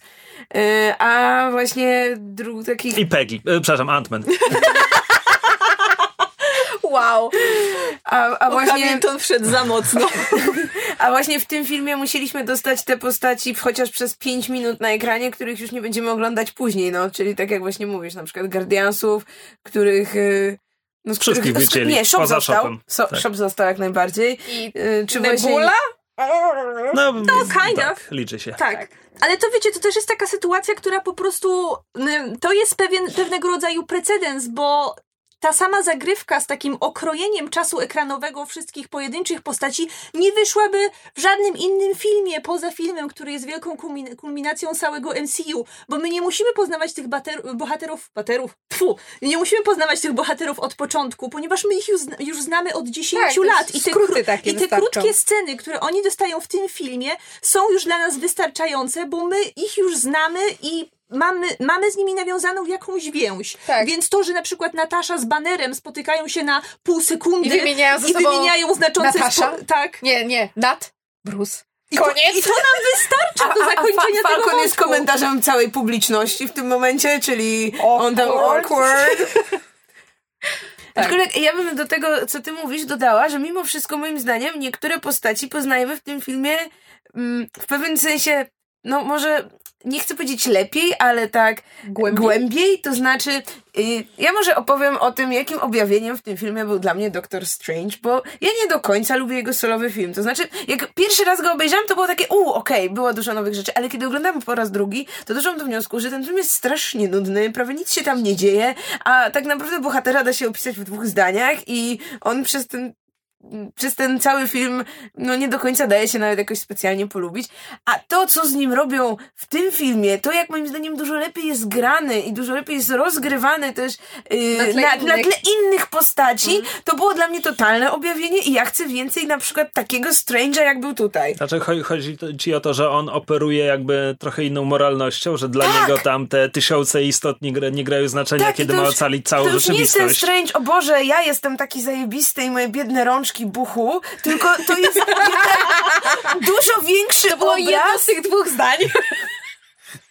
Wie- jakby w ogóle całe, całe to prowadzenie jego relacji y, z Tonym i no tam jeszcze powiedzmy trochę z Peterem, który gdzieś tam się plącze tam koło, koło tej dwójki. Dla mnie to jest chyba jeden z najmocniejszych punktów tego filmu i to jest coś, y, co jakoś tak najbardziej mi wybrzmiało, bo niektóre inne wątki, niektóre inne relacje dostały jak dla mnie za mało czasu ekranowego, żeby gdzieś tam mnie mm, poruszyć, a te, to był zdecydowanie ten mój ulubiony wątek i Boże, ja chcę więcej tego Strange'a. Ale to właśnie wynika z tego, co jest wielką siłą tego filmu, że on przy swoich ogromnych ograniczeniach wynikających z, z obranej formuły, dzięki temu, że bierze bohaterów, wyrywa ich z ich znanego środowiska i ze znanej grupy osób i wy, wy, przetasowuje w ogóle te wszystkie grupy, które tam się tworzą, pozwala nam ujrzeć te wszystkie postacie w totalnie nowym świetle i nadaje to ich relacjom zupełnie innej dynamiki. To, że tam Doctor Strange jest zestawiony z To, że Thor jest zestawiony z Rocketem, to po prostu da- nadaje tym postaciom zupełnie nowego wymiaru i to jest takie strasznie fajne i dzięki temu właśnie możemy odkrywać w nich nowe rzeczy. To, jaką tragiczną postacią okazuje się być Thor i że to właśnie w całym wszechświecie rozumie go gadający shop, królik. No, to, to, to jest w tym takie piękne. Znaczy właśnie to, co mi się podobało i, i bardzo mnie z jakby zaciekawiło podczas oglądania, to jest to, na jak na, jakie postaci postawiono akcent w tym całym właśnie wachlarzu tych 75 czy 6 postaci, które były i przy tym całym przetasowaniu, na jakie moim zdaniem dość nietypowe postaci postawiono akcenty, no bo jakby jesteśmy przyzwyczajeni przez ten, prawda, cały, cały e, okres panowania Marvela, zwłaszcza biorąc pod uwagę Civil War, no, że to jest jakby Cap versus Tony i to jest ten główny konflikt, na który, e, który obserwujemy i ta główna relacja. I tak naprawdę w tym filmie, no, Tony rzeczywiście odgrywa większą rolę niż Cap, Kapa jest bardzo Ka- mało. jest Kapa jest Kap- za mało. postacią Kap- drugoplanową. Tak, Kap będzie, podejrzewam, odgrywał większą rolę w Tak, drugiej to części. jest wszystko rozegrane właśnie pod kontynuację. I to ich wielkie Jakby- spotkanie, którego tutaj unikają za Na, wszelką najbardziej, cenę. najbardziej epicki moment następnego filmu to będzie, kiedy Tony odda tarczę kapitanowi. Tak. Więc... E, natomiast to, co mi się właśnie bardzo podobało, to jest to postawienie akcentów na postacie, na które ja bym nie pomyślała, że, że znaczy nie pomyślałabym, że je wybrali, czyli właśnie na przykład relacja Tora i Roketa, em, relacja, znaczy to, że Tony i Strange mieliby między sobą jakieś interakcje, to było oczywiste, bo to są po prostu tak zadufane w sobie postacie, że oni musieli mieć tę taką scysję między Goatee sobą. Bros.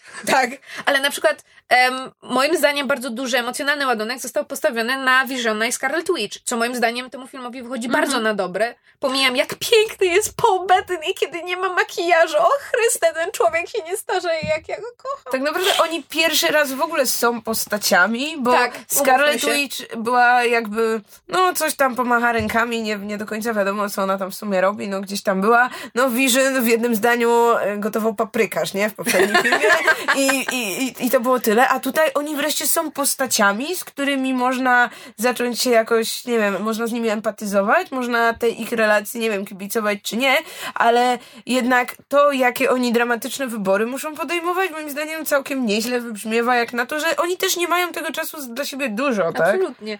I też bardzo duży akcent, co w sumie powinno było być dla mnie oczywiste, biorąc pod uwagę, kto jest anta- głównym antagonistą tego filmu i jakby do kogo żeśmy mieli ten, ten, ten build-up taki, prawda, zrobiony.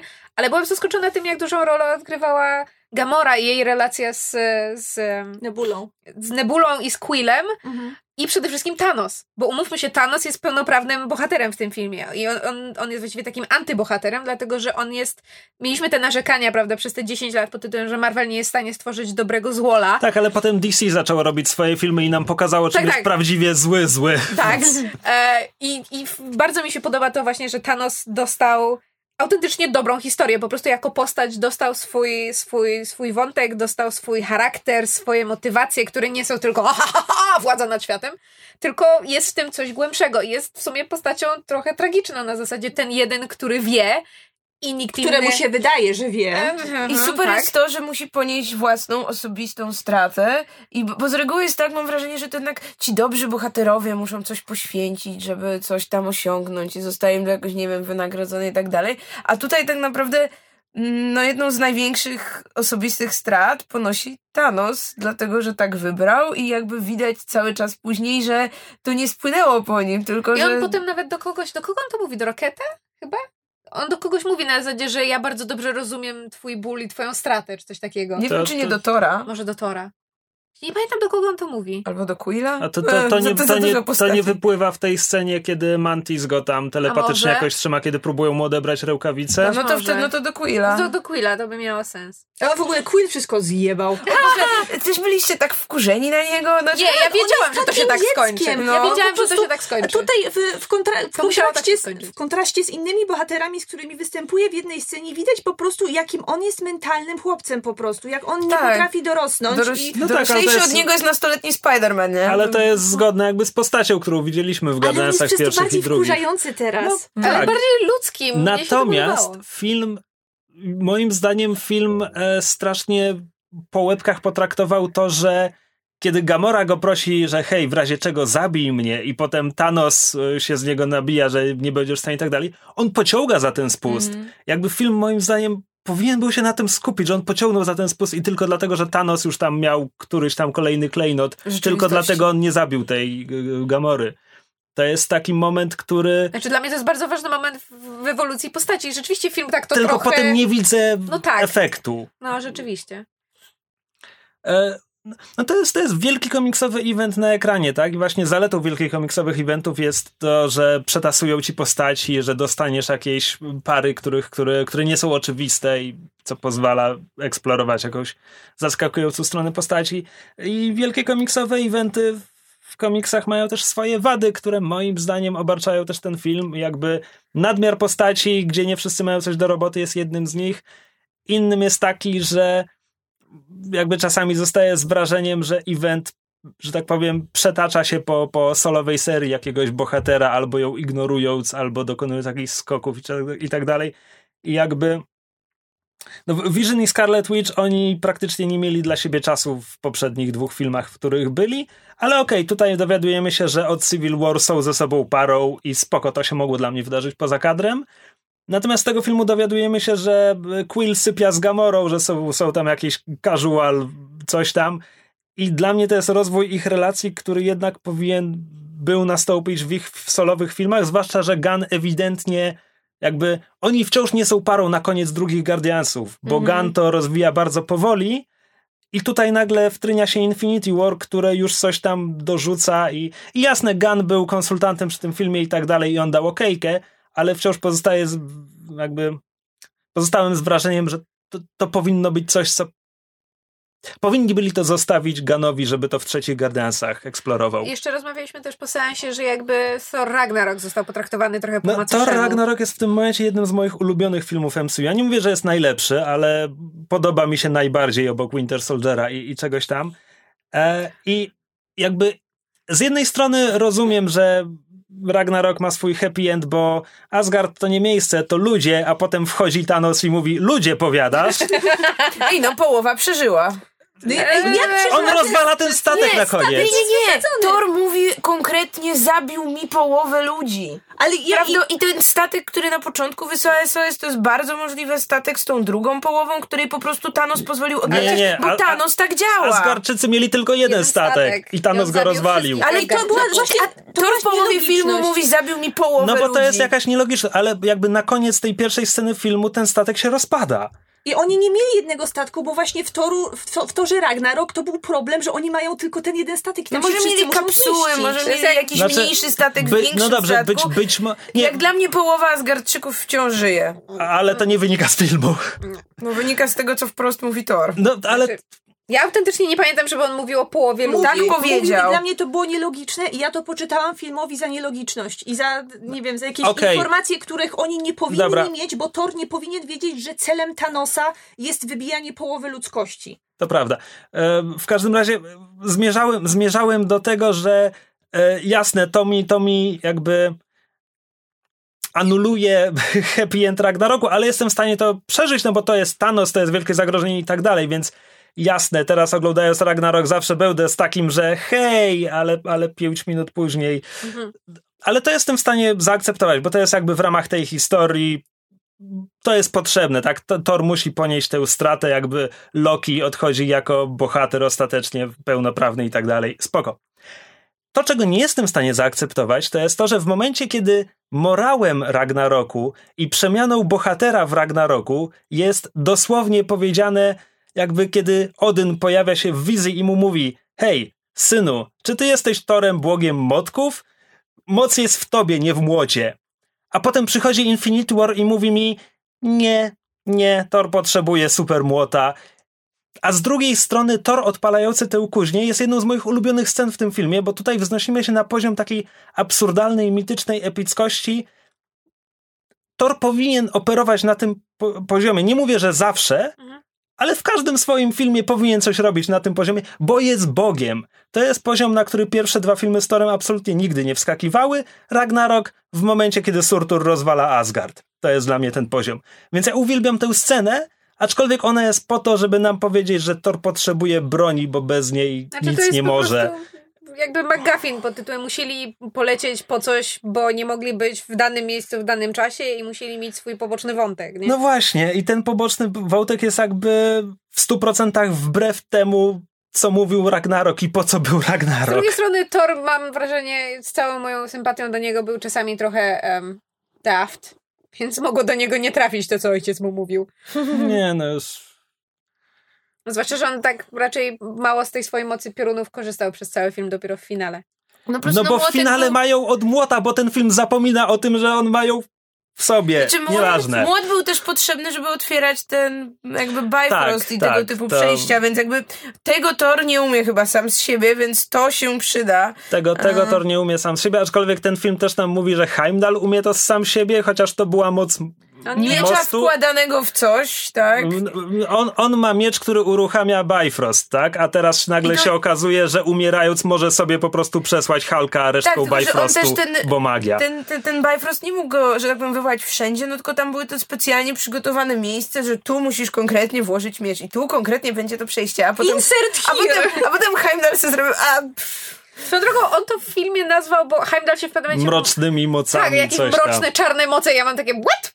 Since when? Jakby od kiedy? To są tęczowe mocy, o co Właśnie. chodzi? It's gay as hell. It's lovely. Tak, więc, więc e, no, właśnie. To ja może też trochę o tym, co mnie najbardziej przeszkadzało i nie, nie zabijcie mnie, proszę, bo wydaje mi się, że mamy tutaj inne zdanie. To znaczy, dla mnie większość dramatycznych momentów w ogóle nie wybrzmiała w tym filmie. Ja na tym filmie nie płakałam i moim zdaniem, jeśli wyróżnimy sceny smutne, śmieszne i bojowe, to te smutne wypadają zdecydowanie gorzej i yy, tak naprawdę... Mysz kleł ci przeczą co głową. Tak, no właśnie, ja tak się domyślałam, że tak będzie. Po prostu dla mnie to, że dzieją się te smutne rzeczy, nie ma za bardzo odbicia na postaciach, jakby i nie ma za bardzo odbicia w konstrukcji filmu o tyle, że no tu mamy przejmującą smutną scenę, a następna scena to jest już albo, e, albo żart, albo wielka scena akcji. Nie ma jakby takiego momentu, żeby to się zdążyło gdzieś rozegrać, żeby to się, nie wiem, gdzieś na tych twarzach bohaterów mi odbiło i tak dalej. Poza końcówką. Jakby końcówka jest super, bo jest właśnie takim już wyciszeniem, ale te wszystkie smutne sceny typu scena z Gamorą, dla mnie ta scena w ogóle nie działa. I właśnie dlatego Thor ma taki zaskakująco dobry e, wątek w tym filmie, bo on dostaje tę scenę, żeby to wybrzmiało, kiedy zaczyna opowiadać Rocketowi, Rocketowi. ile stracił, I dzielą się... że on jest jakby królem Asgardu, bogiem, któremu już nic nie zostało. No, tylko, że to jest godzinę później po scenie jakby, która była pierwsza, więc sama ta scena, która była pierwsza, też nieszczególnie mnie gdzieś tam ujęła, bo po niej przenosiliśmy się do Nowego Jorku i był śmieszkujący Tony Stark, No, tak? ale akurat z tym się zgodzę, bo też sama śmierć, y, ś- śmierć Lokiego tak w ogóle mnie nie ruszyła i wydawało mi się, że ona powinna być rozegnana bardziej emocjonalnie, zwłaszcza zważywszy na to, jak wielką fanbazę ta postać, ta postać ma i że to jest prawdopodobnie ostatnia rola e, Toma Hiddlestona e, w tym, e, w, w, w tym e, Uniwersum. e, uniwersum, bo on już w następnych filmach nie wróci. No różne, tak, różne postacie można kciuki. przywrócić, ale raczej Lokiego nie przywrócą. Nie, nie będę, sądzę. będę trzymał kciuki za Kid Lokiego. Al, albo Fem Lokiego. To znaczy, ja się absolutnie nie zgadzam z tym, że, że bardzo wiele rzeczy w tym filmie nie wybrzmiewa. To znaczy, nie przeszkadza mi to mieszanie wątku, znaczy scen komediowych i smutnych, bo jakby, e, takie jest życie. Raz się śmiejesz, raz płaczesz i, i jakby wiem, że te, te jednak te, te tony trzeba jakoś przemieszać. Natomiast zgadzam się, że śmierć Lokiego nie wybrzmiewa. Śmierć Gamory nie wybrzmiewa w ogóle. Dodatkowo moim zdaniem ta scena jest źle wyreżyserowana, bo są dwie czy trzy tragiczne dłużyzny w, tym, w, tym, w tej całej jednej scenie. Wiesz, a ja się z tym nie zgodzę, bo bo to, to, będzie, to będzie taki Mhm. dwugłos. Mnie się ona podobała i na mnie zrobiła duże wrażenie. Znaczy jakby wizualnie tak, natomiast emocjonalnie jakoś, może też z tego względu, że ja od momentu, kiedy, kiedy w tej scenie pojawia się ten wątek pod tytułem, że e, musisz poświęcić to, co kochasz i Gamora się zaczyna nabijać z Thanosa, że Tak, ty to nic nie kochasz, głupie. to było, ja, ja tak siedzę na zasadzie, wow, ale ty jesteś głupia, przecież No. to jest oczywiste, że on kocha Po ciebie. co by cię to znaczy, przyprowadzał? Tak, On ja dokładnie w mo- wiedział. W momencie, w Czy którym, ktokolwiek na sali miał wątpliwości? Tak. Jakby, no w momencie, w którym ona zaczęła się śmiać, ja pomyślałem, że jej kwestią będzie, że całe życie czekałem, aż mi powiesz, że mnie kochasz. To jest ta metoda, Tak, żeby ale- rozegrać tę scenę. Ale wiecie, ja, ja z tą sceną mam zupełnie inną wątpliwość, no bo e, moja reakcja była podobna do reakcji Gamory, w sensie ja też założyłam, że skoro Thanos traktuje ludzi tak, jak ich traktuje, to nie jest w stanie ich kochać, zwłaszcza własne przybrane córki. Tymczasem, jeżeli film mówi mi, że zabicie Gamory jest tym, co właśnie działa, żeby wydobyć ten klejnot, to ten to, to, to, to w takim razie ta cała toksyczna relacja pomiędzy Thanosem a Gamorą i to, jak on ją traktował przez całe życie, jak ją maltretował, jak ją dręczył psychicznie i fizycznie, tutaj to jest sankcjonowane jako legitna, prawdziwa miłość. I to jest dla mnie takie strasznie, strasznie, przy, strasznie niego. przewrotne. No tak, no tak, widzenia. ale nie, z punktu widzenia filo, filozofii i magii tego świata, bo skoro magia tego Świat to świata uznaje, że to jest legitne, żeby dostał kamień, że on zabija córkę, którą, którą e, torturował przez całe życie, to tu jest coś takiego dziwnego. Tak, ale jeżeli to jest facet, który jest święcie przekonany, że e, zabijając połowę ludzi we wszechświecie robi dobrze, to to jest również człowiek, który e, tresując swoją córkę jako najlepszą zabójczynię na świecie, może równocześnie kochać ją na tyle, żeby Klejnot to legitymizował. Znaczy, on, on, moim zdaniem Klejnot nie, nie usprawiedliwia tego, że, że, że ją maltretował, tylko tego, że z punktu widzenia Thanosa, on mimo tego, że wychował Gamorę w taki sposób, on ją kochał, on, dla niego, dla niego to jest największe poświęcenie, na jakie on jest gotów i on je, on go dokonuje. Z naszej perspektywy to nie musi być idealny tata ani ojciec roku, ale z jego perspektywy to jest największe poświęcenie. No to, to, już jest, to już jest dyskusja na temat tego, jak tutaj działają te wszystkie zasady, które magia tego świata nam przedstawia, bo dla mnie na przykład, y, nie wiem, z, moje, z mojego moralnego punktu widzenia, ten świat nie powinien uznawać, że osobiste, osobiste przekonanie Thanosa na, na temat jego miłości do Gamory powinno być y, uznane za, za, No to, za działające. To co, miał cały wszechświat demokratycznie zagłosować, czy on ją kochał, czy nie? No bo jakby to nie tak działa. Ale, ale pamiętaj, że e, klejnoty są takimi bytami, czymś tam, które uznały, że Red Skull będzie najlepszym przewodnikiem wycieczek. Czy na waszym seansie też ludzie robili gaspy, jak się pojawił Skull? Bo trochę cała tak. sala była Takie taki wiew wiatru pod tytułem wow. Aczkolwiek największa reakcja sali, jaka była na moim seansie, to był ten moment, jak y, Thor na pełnej kurwie na, ze swoim nowym młotem wlatuje Tak. w te bojówki tam wakandyjskie i wtedy wszyscy zaczęli klaskać i wiwatować. To był mój ulubiony u nas moment, jeszcze- jeśli chodzi o przeżycia na sali U kinowej. nas był jeszcze moment, kiedy Kap wychodzi z ciemności na dworcu. I objawia brodę, w- tak. W Edynburgu i objawia brodę. A no i, i To myśmy- było, było w moc- trailerze. Właśnie to byłoby mocniejsze, gdyby zwiastuny nam Tak, nie pokazały. tak. Jakby w momencie, kiedy tylko tam Wanda i Scarlet Witch zostali Mm. zaatakowani, to ja miałem takie aha, okej, to tutaj wejdzie kap, no to czekamy. Tak. E, natomiast wracając do tego, o czym mówiliśmy pod tytułem niewybrzmiewania wątków, znaczy niewybrzmiewania emocji, to e, tutaj oczywiście przechodzimy do finału, w którym dla mnie wybrzmiało wszystko. I muszę przyznać, że na początku, jak tylko zaczęły się te śmierci, bo tam, prawda, e, stopniowo e, stawka jest coraz wyższa, bohaterowie są w coraz trudniejszej sytuacji, prawda, są już na, na skraju wytrzymałości. I miałam takie, no okej, wiemy, że to jest pierwsza część z dwóch, wiemy, że ktoś ma zginąć, no to ja czekam teraz, kogo mi Wiemy, zabiją. że wszystkich ich wskrzeszą Tak, w wiemy, kolejnej że części. wskrzeszą na miłość boską, boską, już nawet abstrahując od wszystkich innych klejnotów. Mają klejnot czasu, jakby it's a snap of a fingers, jakby są w stanie to zrobić. I autentycznie byłam święcie przekonana, że emocjonalnie na mnie ten film nie zadziała, że wiesz, stwierdzę na zasadzie, o to było smutne, przykro mi i tak dalej. A potem, a potem Bucky powiedział Steve! I myśmy z Mego zrobiły.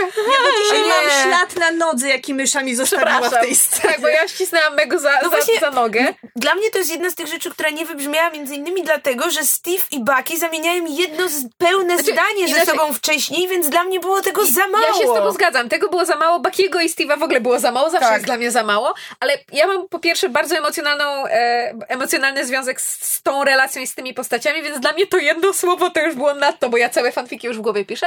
Natomiast to, co sprawiło, że wpadłam w histerię, znaczy nie jakoś tragiczną, to jest Peter. Peter. O mój, o mój Boże!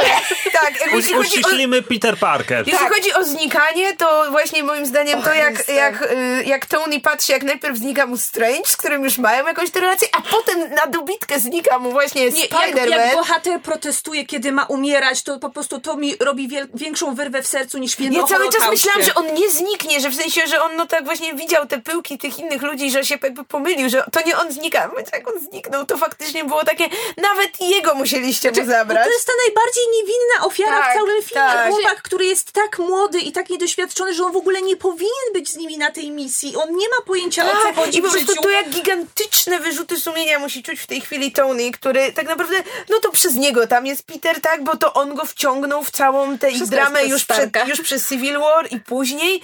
I to, że on będzie musiał, wiecie, wrócić na ziemię i powiedzieć ciotce Petera, jeśli ona nie zniknęła, że em, Właśnie no ktoś- wydarzyło się to i to, no to słuchajcie, to, to rozdziera gdzieś tam w środku, ale Ktoś u Megu na, na grupie, jak były spoilerowe roz, ten rozmowy a propos Infinity War, to ktoś powiedział, ktoś napisał tylko jedno zdanie. O Jezu, a co z Nedem? I ja zaczęłam płakać, bo Ned to jest ten przyjaciel Petera. Ja sobie pomyślałam, o mój Boże, i teraz ktoś musi wrócić na ziemię i powiedzieć Nedowi i cioci May, że Peter nie żyje. oh my Christ. To my, I to będzie Tony. Tak, ale znaczy, to, co mnie fascynuje w scenie z Peterem, to było na zasadzie, kiedy on właśnie zaczął znikać i zaczął mówić, nie chcę umierać, nie chcę umierać. Ja miałam w głowie takie dwa głosy. Jeden to był pod tytułem Wy fiuty, wy zwiędłe, wstrętne fiuty. To jest tak tanie zagranie. Oczywiście, że ta najmłodsza, najbardziej niewinna postać będzie panikować, bo, bo nikt nie chce umierać i, i naturalne jest to, że ona wpadnie w taką panikę. A z drugiej strony miałam ten emocjonalny głos pod tytułem Nie no, umówmy się, cała ta ostatnia scena, Och. to jest, to jest tanie zagranie, to podpada pod całkowitą defi- definicję tego, na czym polega tanie zagranie, ale czasami tanie zagrania bazujące tylko i wyłącznie na emocjach widzów po prostu wychodzą dobrze i w tym filmie ten finał jest tak traumatyzujący i tak rozdzierający całe rzesze fanów na całym świecie, że dla mnie, mimo tej swojej pozornej taniości, to wciąż I tego, że to działa. odkręcą, ja tak. bym nigdy, tak, i tej, tej świadomości tego, że a, dobra, pewnie status quo będzie w końcu przy, przy, przywrócony w następnym Bo filmie. istotne jest to, co oni i my czujemy w danym tak, momencie. to emocje jest są ważne Tak. i emocje są fajne. I warto, warto, się, warto się tym emocjonować, bo kurde, za 10 lat, jak będziecie sobie przypominać, jak ja, ja co, co czułem, kiedy oglądałem Infinity War, to będziecie pamiętać ten ich ch- cholerny finał, jak wam wyrwał serce, rzucił nim o ścianę, zaczął skakać po nim w korkach, a potem je jeszcze podpalił. To będziecie, to będzie to, co właśnie zapamiętacie z tego filmu.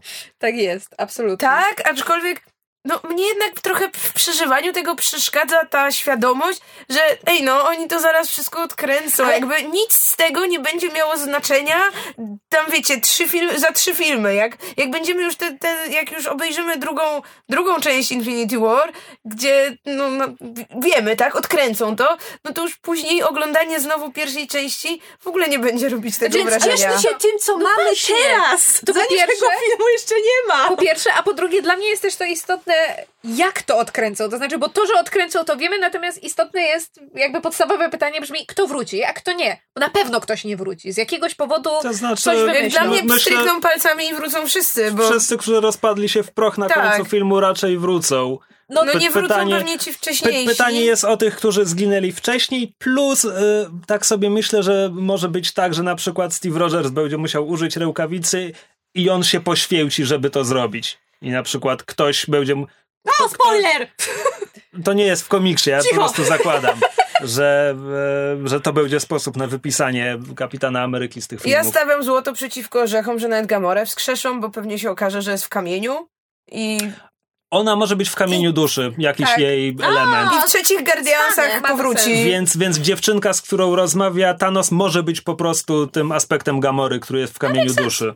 O, dobrze, dobrze, dobra interpretacja. I tak naprawdę okaże się później z perspektywy, że zginęli Heimdall i Loki i jacyś animu, a- anonimowi... Vision też wróci, przecież Vision jestem, musi przecież, Boże, Shuri go skopiowała.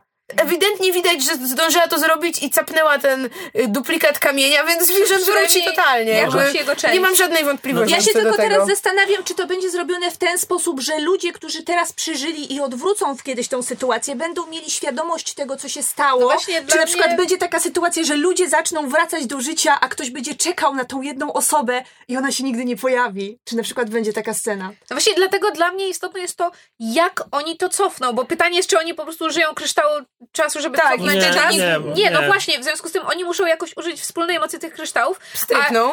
Tak, tylko że jakby, umówmy się, to jest moje doświadczenie wynikające z grania w RPG, natomiast be careful what you wish for, to znaczy bawienie się czasoprzestrzenią i rzeczywistością i wszystkim, konsekwencje nigdy nie są takie, jakie byś chciał i jakie oczekujesz. Coś musi być inaczej i dla mnie jest istotne, co będzie inaczej. To jest to, co mnie w drugiej części interesuje, to jest to, czego ja wyglądam, po pierwsze. Po drugie, to, co jest dla mnie istotne w drugiej części i czego wyglądam, wspomniałaś o poczuciu winy Starka. Ja mam taką teorię, że przy życiu teraz na koniec zostali ludzie, którzy będą, którzy mają największe poczucie winy. Ewentualnie pierwotny skład Avengers plus, plus Rocket. Plus Ro- Rocket i Nebula i Okoje. Więc właśnie ci przypadkowi ludzie, którzy zostają, są dla mnie dziwni. Wszystkich jestem w stanie dopasować do swojej teorii, oprócz pierdolonego War Machine, co on tam kurwa robi? No właśnie. E, natomiast to, co jest dla mnie istotne w drugiej części, to jest to właśnie, jak zostaną rozegrane e, emocje tych bohaterów, którzy pozostali i którzy będą próbowali to odkręcić, bo to właśnie ich poczucie winy, które nimi będzie kierowało, to jest Those are the feels. To jest to, po co ja żyję, po co ja oglądam te filmy. No plus sam, z samego faktu, że zostało nam tak mało bohaterów, daje moim zdaniem nadzieję na to, że właśnie te ich relacje wybrzmią jeszcze bardziej. No. Że oczywiście mm, dostaniemy to długo, oczeki- przeze mnie to już chyba najbardziej oczekiwane spotkanie wreszcie y, Starka i Kapa, gdzie wreszcie powinni wyjaśnić sobie... Paść sobie w ramiona. Oni wyjaśnić sobie wszystko. No, mo- może nawet Natasza i Bruce zamienią więcej niż jedno zdanie. Byłoby miło, jakby ktoś odkręcił y, to, co zrobił Widon. Tak.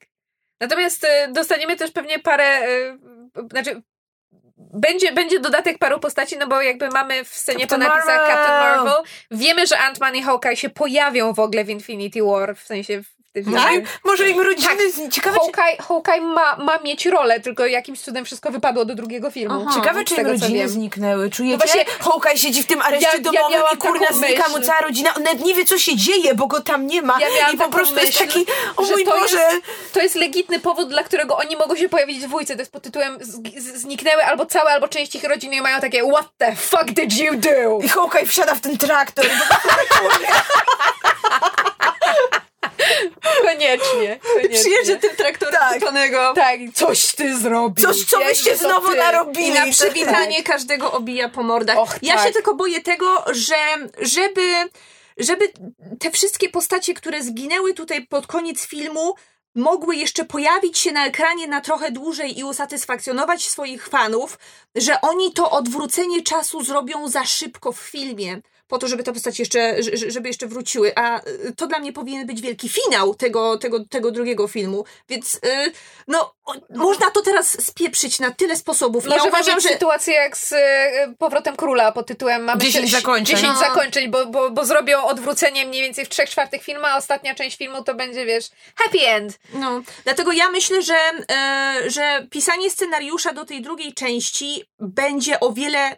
Było, zakładam, że już jest trochę napisane. Było, bo ten film jest już No nakręcony właśnie, praktycznie. było o wiele trudniejsze niż y, i y, stawiało przed autorami o wiele więcej wyzwań niż Infinity War, ponieważ zawieszenie takiego cliffhangera tą, tym o, em, ba- bardzo emocjonującym finałem jest łatwe. Trudniej będzie przywrócić świat do status quo, tak żeby było to dla widza satysfakcjonujące i żeby dopiero to nie wydawało się być tanią zagrywką. No właśnie, dlatego jestem bardzo ciekawa, bo mimo wszystko do tej pory wszystko, co Russo zrobili, było przynajmniej dobre i Mhm. bardzo, bardzo, i- bardzo, bardzo liczę i bardzo im kibicuję, że naprawdę im się uda. They, they can pull it off. Mam, mam duże nadzieje. Miejmy nadzieję, że się spełnią. Haha.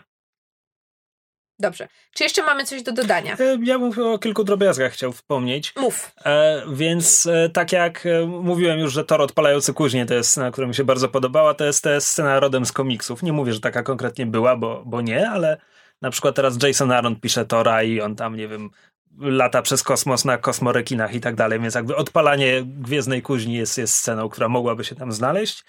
E, a z kolei sceną, która najbardziej jakby składa hołd Jimowi Starlinowi, który napisał oryginalne historie Thanos Quest i Infinity Gauntlet, na których bazuje ten film, to jest właśnie kiedy Thanos przybywa na tę planetę na V i tam objawia się postać w płaszczu, która sypie takimi no, takimi, takimi niejasnymi przepowiedniami i tak dalej. To jest jakby prosto z jego komiksów. Nie mówię, że ta konkretna postać. Właśnie, ta konkretna postać, bo Thanos w komiksach, on to wszystko robi, żeby zaimponować śmierci. Personifikacji śmierci, w której jest zakochany, a która nie jest zakochana w nim. I Thanos jest takim nice guyem, który po prostu myśli sobie, że jak będzie robił dla śmierci różne miłe rzeczy, to ona w końcu go pokocha. Więc między innymi e, eliminuje połowę istot w galaktyce, żeby zaimponować śmierci. Po czym, kiedy ona się od niego odwraca, Thanos używa rękawicy, żeby stworzyć sobie Tytanie, ta, Thanosę tworzy żeńską wersję siebie i mówi śmierci, już cię nie potrzebuję, ona jest wszystkim, czym ty mnie jesteś. To jest, on sobie ro, ro, tworzy plastikową lalę dosłownie. Jakby Thanos jest, Wow. Thanos jest tak dziwny To w chyba- komiksach. chyba Wolimy tak. filmowego. Wiesz co? tak. Ale ten komiksowy, on ma jakby... No, nie, no jest, jest skrypny. W każdym razie... E, w każdym razie, więc tak, więc bardzo mi się podobała ta scena w komiksie, bo właśnie oni użyli Red Scala, żeby mieć ten obrazek Thanosa i, i śmierci, tak? Już palszej, że to jest Red Skull i tak dalej. Jakby to wszystko się zgadza i to było bardzo ładne. Mm.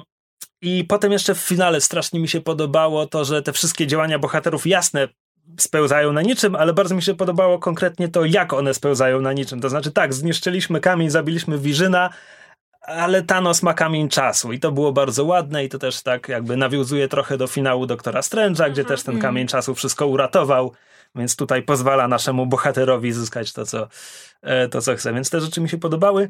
Natomiast chciałbym jeszcze wrócić do śmierci Gamory, bo ja mam z nią zupełnie inny problem niż wy. Mhm. E, I moim problemem ze śmiercią Gamory są Guardians of the Galaxy 2 z swoimi absurdalnymi scenami akcji, które były absurdalne do tego poziomu, że Gamora dosłownie przeżywała tam takie upadki. I to jest ten moment, kiedy mamy 18 filmów, które operują, ten jest thrillerem politycznym, a ten jest komedią w kosmosie, a ten jest coś epickie z bogami na innej planecie, a to jest jeszcze inna cholera. I teraz próbujesz zebrać tych wszystkich bohaterów, tylko że oni w swoich pojedynczych filmach egzystowali na zupełnie innych zasadach. I w momencie, kiedy wrzucasz ich wszystkich do jednego filmu i oni mają nagle operować na jednych zasadach, no to masz takie, ale Gamora przeżywała takie upadki i więc o co chodzi? Okej, mogę sobie dopowiedzieć, bo to jest studnia dusz czy cokolwiek i nie chodzi o upadek, tylko o sam ten akt poświęcenia. Okej, mogę sobie to dopowiedzieć. Ale potem w ramach tego jednego filmu też mam problemy, bo Thanos zaczyna film od pojedynku bokserskiego z Hulkiem, którego pokonuje, a potem robię Steve'a Rogersa. I ja mam teraz uwierzyć, że Steve Rogers jest w stanie przeżyć prawy prosto od Thanosa w momencie, kiedy to jest przeciwnik dla Hulka. No jakby No, to jakieś jest- zasady. Niech Tak, ten ja świat mam ma ten jakieś zasady. Problem, ten sam problem, który ja mam. To, że kiedy się wrzuci tych wszystkich innych bohaterów, to pojawia ci się to pytanie, który z nich jest najsilniejszym superbohaterem. Jest Ke- Kevin, tak. Kevin Feige zapowiada od roku czy dwóch, że Captain Marvel będzie najsilniejsza z nich wszystkich, a ja teraz tutaj siedzę i mam takie, ale co to znaczy? To nic nie znaczy. Nie ma, no, przy- trzeba przyznać, nie ma skalowania tak naprawdę sił za bardzo naszych bohaterów. I jak też, nie wiem, biegnie na nich chmara tych y, generic monsters wypuszczonych przez dzieci Thanosa, to wszyscy walczą na równych zasadach z nimi, obojętnie czy to jest, nie wiem, mm, czarna wdowa, która po prostu dobrze kopie, czy to jest y, ktoś o jakiejś właśnie już supermocy, właśnie, nie wiem, Steve Rogers, czy ktoś w tym stylu, czy to jest tylko shop z bazuką, która po prostu sobie Dwa strzela. shopy. Tandem dwóch shopów, tango w No duecie. Ale właśnie... To było y, takie cudowne. Bo ja wspomniałam o tym jednym zdaniem, a to jest jedna z tych rzeczy, która mi się chyba najbardziej podobała w tym filmie, czyli jak dobrze działa tu humor i jak dobrze działa tu dużo takich też samoświadomych scen. Począwszy od, y, wiecie, tego początkowej sekwencji w Nowym Jorku, kiedy Tony Stark mówi do, do Hulka, że you're embarrassing me in front of the wizards i to po prostu, że oni śmieją się z tych czarodziejów w tym świecie, bo oni, ci ludzie technologii, sami sobie zdają sprawę z tego, jakie to jest absurdalne, że obok stoi dwóch kolesi, którzy robią jakieś magiczne piruety z pierścieniami.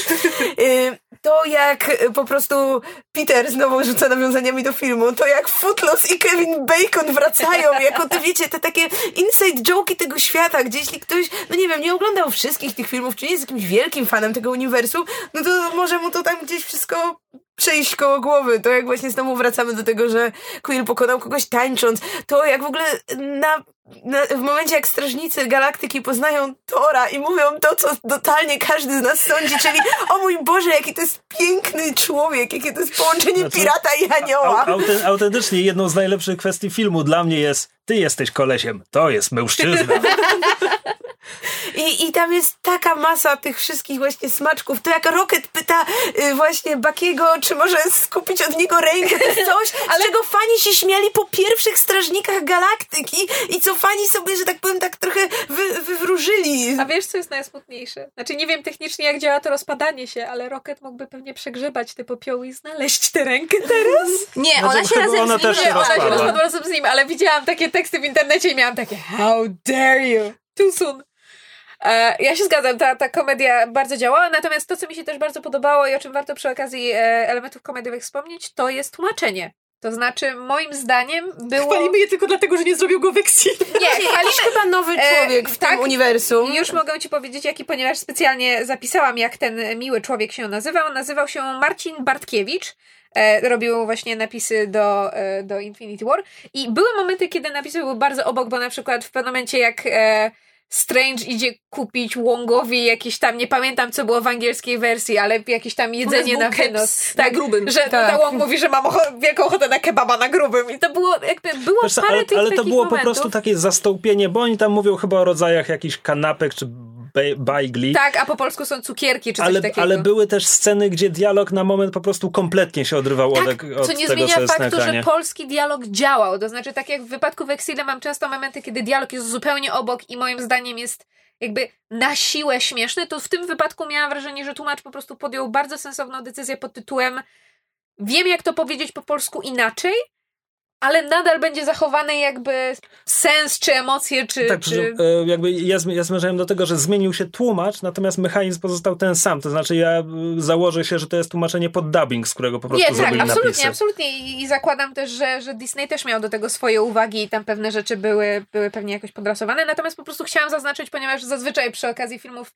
e, Marvela zwracamy uwagę na tłumaczenie i mamy na ten temat jakieś swoje uwagi czy przemyślenia.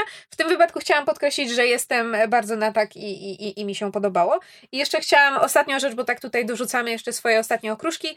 E, to, co dla mnie jest też wa- ważne w tym filmie, to jest to, że e, okej, tam czasami, e, że tak powiem, emocjonalne sceny nie wybrzmiewają, e, humor, że tak powiem, bywa mniejszych, znaczy ten wyższych lub niższych lotów, e, fabuła działa tak, jak musi ze względu na formułę filmu, natomiast to, na czym ten film się opiera i bardzo dobrze i, dzięki Bogu Marvel zdążył przez te 10 lat zebrać naprawdę pokaźną e, obsadę szalenie utalentowanych aktorów, to jest to, że wszyscy w tym filmie grają dobrze. To znaczy, nawet jeżeli emocjonalnie nie wszystkie sceny mają czas wybrzmieć, to to jak aktorzy grają, widać, że oni to traktują serio. Oni są tymi postaciami, oni to nie jest na odpierdol, nikt nie robi tego na prawda 30% pod tytułem a tylko wezmę swój ten, wezmę paycheck i idę do domu, bo muszę zapłacić rachunki. Wszyscy przyszli i naprawdę dali z siebie 100% i emocjami aktorów ten film dla mnie właśnie jakby em, Stoi. dziękuję stoi, tak. Y, I ten, ja bym strasznie chciała w tym miejscu wyrazy uznania dla Toma Hollanda, który moim zdaniem robi się po prostu coraz lepszy i to jak on nam się rozwija na naszych oczach. Ojej! To ja mam na, na zakończenie, ja mam dwa pytania. E, Pytanie numer jeden. E, czy zauważyliście, że jedyna krew, jaka pokazywana w tym filmie jest albo zielona, albo niebieska? Y, I to jak giną, giną te dzieci Thanosa i tak, ten jest oni niebieski mają niebieską na, krew, na, a e, na pod, czarnej gamorą, pod gamorą rośnie wielka zielona kałuża. Nie ma czerwonej krwi A, a, a tam na Znaczy policzku jest. Thanosa? Jest. Na Ale to, nie, ale to jest... Thanos ma fioletową krew. Aha, Ale to jest, okej. ra, to jest ranka, ja mówię o takich autentycznych rozbryzgach. To nie. A drugie, a drugie moje pytanie, bardziej e, wokoło takich kwestii produkcyjnych. O co chodzi z tym, że oni pożyczyli postać z Arrested Development? Bo tam jest. Co? Tak jest w napisach jest- końcowych jest podziękowanie, że coś tam, coś tam Arrested Development, ale no ja nie widziałam serialu, Właśnie więc dlatego nie ja czekam, aż Kamil pójdzie na ten film, bo ja mu nawet powiedziałam o tym, że zauważyłam to w napisach i kazałam mu wyglądać tej pożyczonej postaci. I ja nie wiem, kto to ma A być. to pierwsze słyszę. Może tam Właśnie- gdzieś w telewizji w tle leci, no to nie wiem, czy to coś To dużego ja, miało być? Właśnie też nie, nie mam pojęcia o co chodzi, mnie to zastanowiło, bo Jeżeli- widziałam, że ludzie też w internecie o tym pisali, a zupełnie, zupełnie mi to przeleciało w, obok oka i ja nie mam pojęcia o co chodziło. Jeżeli słuchacze wiedzą, o jaką postać chodziło, albo w jakiej scenie się pojawiła, to dajcie nam znać w komentarzach, bo bardzo chętnie się dowiemy, bo zapomnieliśmy sprawdzić, a nikt z nas nie, nie wyłapał, więc dajcie nam znać. I to chyba tyle? Czy mamy jeszcze jakieś ostatnie słowa ja się jeszcze cały czas zastanawiam, czemu Vision, który najwyraźniej może wyglądać jak tylko chce, postanowił wyglądać jak Sting, ale to, to tylko ja. Przestań b- mówić brzydkie rzeczy o Paulu Bettany, to jest człowiek doskonały. Poglądasz go sobie za niedługo w solo i ten. Kochani. Będziesz O. Boże, ja cały czas zapominam, że on jest solo, jeszcze bardziej się cieszę na ten film. Ale to nie może być duża rola, bo on tam jakby tylko w dokrętkach zastąpił czekajcie. innego aktora. Nie szkodzi. Mówimy o Stingu. Tak, tak, tak. Znowu zagra w swoim kostiumie z tak, Duny. Tak, dokładnie. Czekamy na Stinga w solo w takim razie. Tak. Już za, za miesiąc. E, No i czekamy na wszystkie pozostałe filmy Marvela, które nas czekają w nadchodzących latach. Już, już niebawem Umówmy się, najbliższe jest. Ant-Man i Osa. Kto na to czeka? Ja, ja totalnie na to czekam. Tak? Jakby Okej. kupuje mnie zwiastun tego filmu, kupuje mnie dosyć, no jakby w ogóle pierwszy Ant-Man był bardzo spoko i ja bardzo czekam na ten, na ten film. Powtarzałaś sobie pierwszego Antmana? Nie, ale właśnie chcę to zrobić przed drugim Ant-Manem. To Bo ja powiedz mi, nawet zacząłem i po pięciu minutach stwierdziłem, kurczę, nie. Znaczy ja takim w mniejszym czy większym stopniu czekam pewnie na wszystkie Marvel. Ja Znaczy, czekam na, najbardziej każdego. na Captain Marvel, ale Nie, ona wychodzi... się. W przyszłym roku. Ale ona roku. wychodzi Przed. przed, tym filmem, Tak, czy po? Przed Avengers Przed. 4. To ja na to czekam, Czyli- bo czekam na ten, na ten cały klimat lat 90. Och, tak, i moda, bardzo lubię Jezu. tę aktorkę, także... Czyli w tym roku mamy już tylko Ant-Mana, tak. Tak. A w przyszłym roku No zaczynamy to- od Captain Marvel. Pamiętaj, że w tym roku był już Black Panther. Tak, ja trzy, pamiętam. Trzy Marvele. Tak, a w przyszłym roku zaczynamy od Captain Marvel, a potem już jest drugi Infinity War? Tak. Okej. Tak? Będzie jakiś trzeci film w przyszłym roku? Wydaje mi się, że tak, ale nie mam pojęcia Chyba co w tym Homecoming momencie. tu, ale nie dam sobie za to Może? ręki uciąć. Może. Oj, nie, ale czekaj, to tego jeszcze nie zaczęli kręcić. Tak, to, to... Mogę użyć magicznej mocy internetu i to No bo sprawdzić, co nam, ale, co nam zostało? Homecoming 2, Black Panther 2, Guardiansi Mm. 3, ale to Ale nic z tego jeszcze nie robią. e, p, coś jeszcze? Nie wiem. Może będą tylko dwa Marvele w przyszłym roku. Może Hulk. Nie wiem, po prostu nie mogą robić solowych Hulków, bo Universal tak, ma rzeczywiście. praw. Hulk może występować w zbiorowych filmach Marvela, ale nie mogą, jakby musieliby na nowo się dogadywać z Universalem. Dlatego nigdy nie będzie solowego filmu o Hulku. Natomiast skoro o Hulku mowa, to czy pamiętacie, że zwiastuny Infinity War oszukiwały? Może nie na tę skalę jak Ragnaroku, ale Hulk biegał po dżungli wakandyjskiej Tak, ze tak, wszystkimi innymi bohaterami. Ale było jeszcze parę przekłamań w zwiastunach. Na przykład scena, w której Thanos okłada kapa, miał wtedy w rękawicy tylko dwa kamienie, kiedy w tej scenie w filmie ma już y, wszystkie prócz ostatniego, A wiesz, tak? na, na to nawet nie zwróciłem uwagi, ale skoro o tym mówimy, to ja strasznie żałuję, że nie oszukali czegoś, że nie zmienili tła sceny, w której wchodzi Kapitan Ameryka. Żebym ja się nie spodziewał go od, samej od samego początku tej walki w Szkocji. Sceny z Torem też w zwiastunach pozmieniali. Tak by to z tym młotem w tej kuźni, tam też jest. Ja nawet nie pamiętam Tam, tam, z kuźni. Ale wracając, y, dobrze, dobrze wam powiedziałam, czyli w 2019 mamy Captain Marvel w marcu, Avengersów w maju i y, Homecoming sequel y, w lipcu. A, A, a w W 2020 2020 na razie mamy Strażników Galaktyki Trzy. 3 i, i to tyle, co mi mówi Wikipedia. coś aha. się chyba rozmyślili co do sequela Doktora Strange'a, bo miał być, a teraz jakoś Y, cisza. Szczerze, po tym, co, co było w Infinity War, ja bardzo bym chciała zobaczyć sequel Doktora Strange'a, gdzie właśnie już nie będzie nudnego originu i gdzie bardziej ktoś by mi pokazał właśnie Strange'a jako tę postać o, o innej moralności, o innych priorytetach i więcej Wonga. Ja strasznie bym chciał, żeby przy kolejnym Doktorze Strange'u ktoś jakby związał Cumberbatchowi ręce za plecami, żeby nie mogli mu go wpisywać w bijatyki. Po prostu to jest tak absurdalne. On nawet się bije na pięści z Thanosem w pewnym momencie. Oczywiście tam ma jakieś magiczne osłony na rełkach, ale to jest tak durne i po prostu Tak. magię można w o tyle bardziej pomysłowy sposób realizować. Na przykład to, kiedy się jakby duplikuje, czy tam, nie wiem, multiplikuje. Ładna scena. To jest ładna scena. Finał Doktora Strange'a z tą pełtlą czasu, Och, to, było, bardzo to dobre. było Fantastyczne.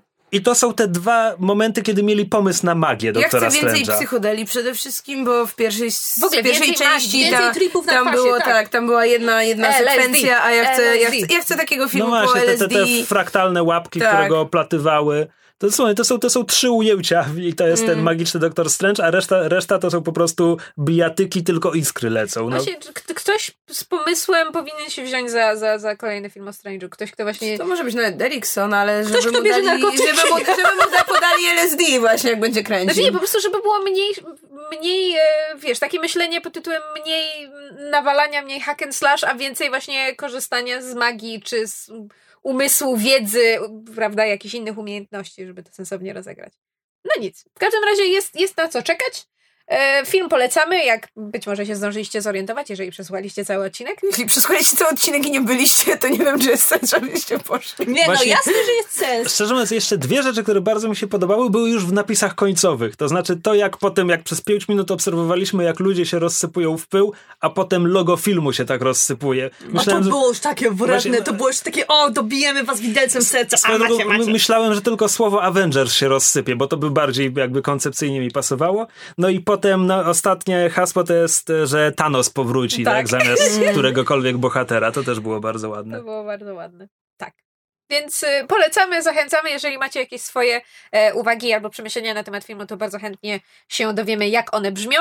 I jeśli byliście tylko raz, albo nie wiem, w ogóle nie byliście, ale chcecie, chcecie iść, to totalnie idźcie do IMAXa. Ten film jest kręcony IMAXowymi kamerami i to, jak piękny jest wizualnie, Ha, to Totalnie warto. Wybrać, bo myśmy byli normalnie. To może się przejdę do IMAXa. nie, Bardzo, to, bardzo, to, chętnie, to jest ten film, to jest film na IMAX. bardzo chętnie drugi raz pójdę. Może nawet z Kamilem, jak już wyzdrowieje. Dobrze. E, to zawsze możecie nas y, znaleźć na e, myszmasz.pl na naszej stronie, gdzie możecie nam zostawiać komentarze. Możecie też do nas pisać na myszmaszpodcast.gmail.com e, Również sprawdzamy dość intensywnie, a przynajmniej ja od jakiegoś czasu komentarze pod e, naszymi odcinkami na YouTubie, które, które możecie znaleźć zamieszczane przez naszą grupę Podsłuchane. youtube.com slash podsłuchane. Tak jest. I podsłuchane również zachęcamy, żebyście e, polubili i obserwowali. E, możecie no, również do nas pisać na naszym fan, fanpage'u, Myszmasz Podcast Popkulturalny na Facebooku. E, I jesteśmy też na Twitterze. E, nie pamiętam, jaki mamy handle, a Kamila w tym momencie nie ma, żeby mi przypomnieć, ale jak wpiszecie Myszmasz, to na pewno się pokaże, pokaże w szukanych. A od tego tygodnia też, jeśli macie telefony z Androidem, to w przeglądarce e, wbudowanej w telefon wystarczy, że wpiszecie myszmasz i możecie puszczać nasze odcinki bezpośrednio stamtąd. tak jest. Jest Z też, aplikacji. Jest też wtyczka do, Do Do Chroma. do Chroma, która to robi. Tak, jak wpiszecie y, podsłuchane.pl slash chrome, to dostaniecie wtyczkę, która powiadama was o najnowszych odcinkach y, wszystkich podcastów z naszej sieci. Tak jest. I to by było dosyć tej autoreklamy. No. Tak no. Wpadajcie do naszego podcastu, bo my też jesteśmy fajne. Właśnie dziewczyny są w fajnym podcaście, nazywa się Czytu Czytu i też jest w ramach podsłuchane. ja I też tam jest- jestem w tym I tam tygodniu. też jest o Londynie, jeśli kogoś zainteresowała nasza, Tak, mówicie o nasz książkach. segment o wyprawie, tam mówimy o książkach londyńskich i jest gościnnie Krzyś, więc zapraszamy. To jeszcze musimy tylko nagrać oddzielny podcast o muzeach. To będziemy mieli komplet londyńskiej taką trylogię. To może innym razem. No. Dobrze. I jeśli słowo na koniec, no to idźcie na Hamiltona. Albo przynajmniej posłuchajcie sobie soundtracku. Book of Mormon też! No. Ale Hamilton. Słuchajcie, Tak. jesteśmy już dłużsi niż y, ten. Żegnamy się króla. tak, bardziej niż powrót króla. Dobrze. Dzięki wielkie i do usłyszenia następnym razem. Cześć! Cześć. Cześć.